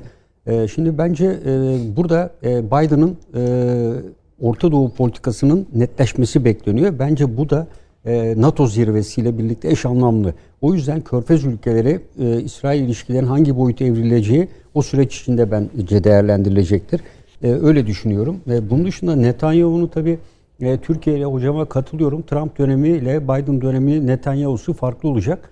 E, çünkü bu grubu e, Netanyahu destekleyen Amerika içi yapılar farklı. Yahudi grupları farklılaştı.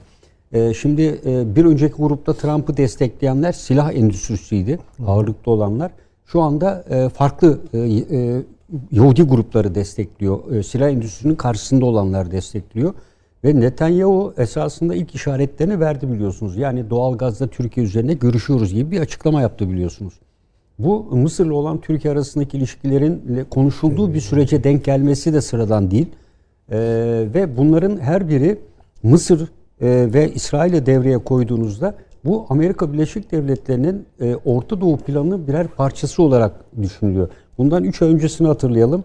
İsrail için ne demişti? İsrail'in CENTCOM'a e, Evet. Dahil edilmesi. dahil edilmesi Tabii. kavramı devreye gelmişti.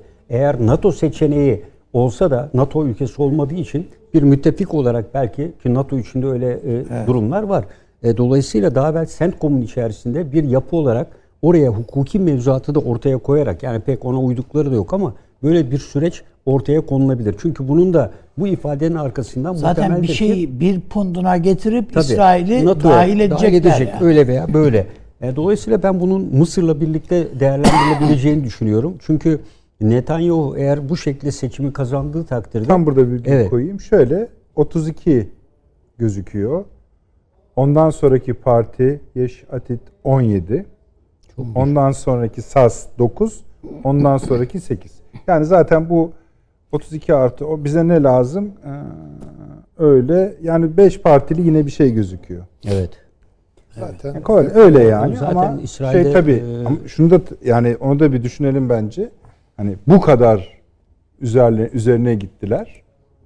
olmadı. değil O- mi? ve davalar hala sürüyor. Sadece kendisi hakkında değil, eşi hakkında, şu hakkında vesaire.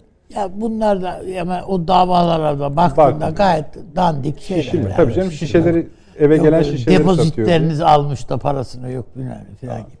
Buyurunuz. E, Zaten beklenen bir şeydi bu.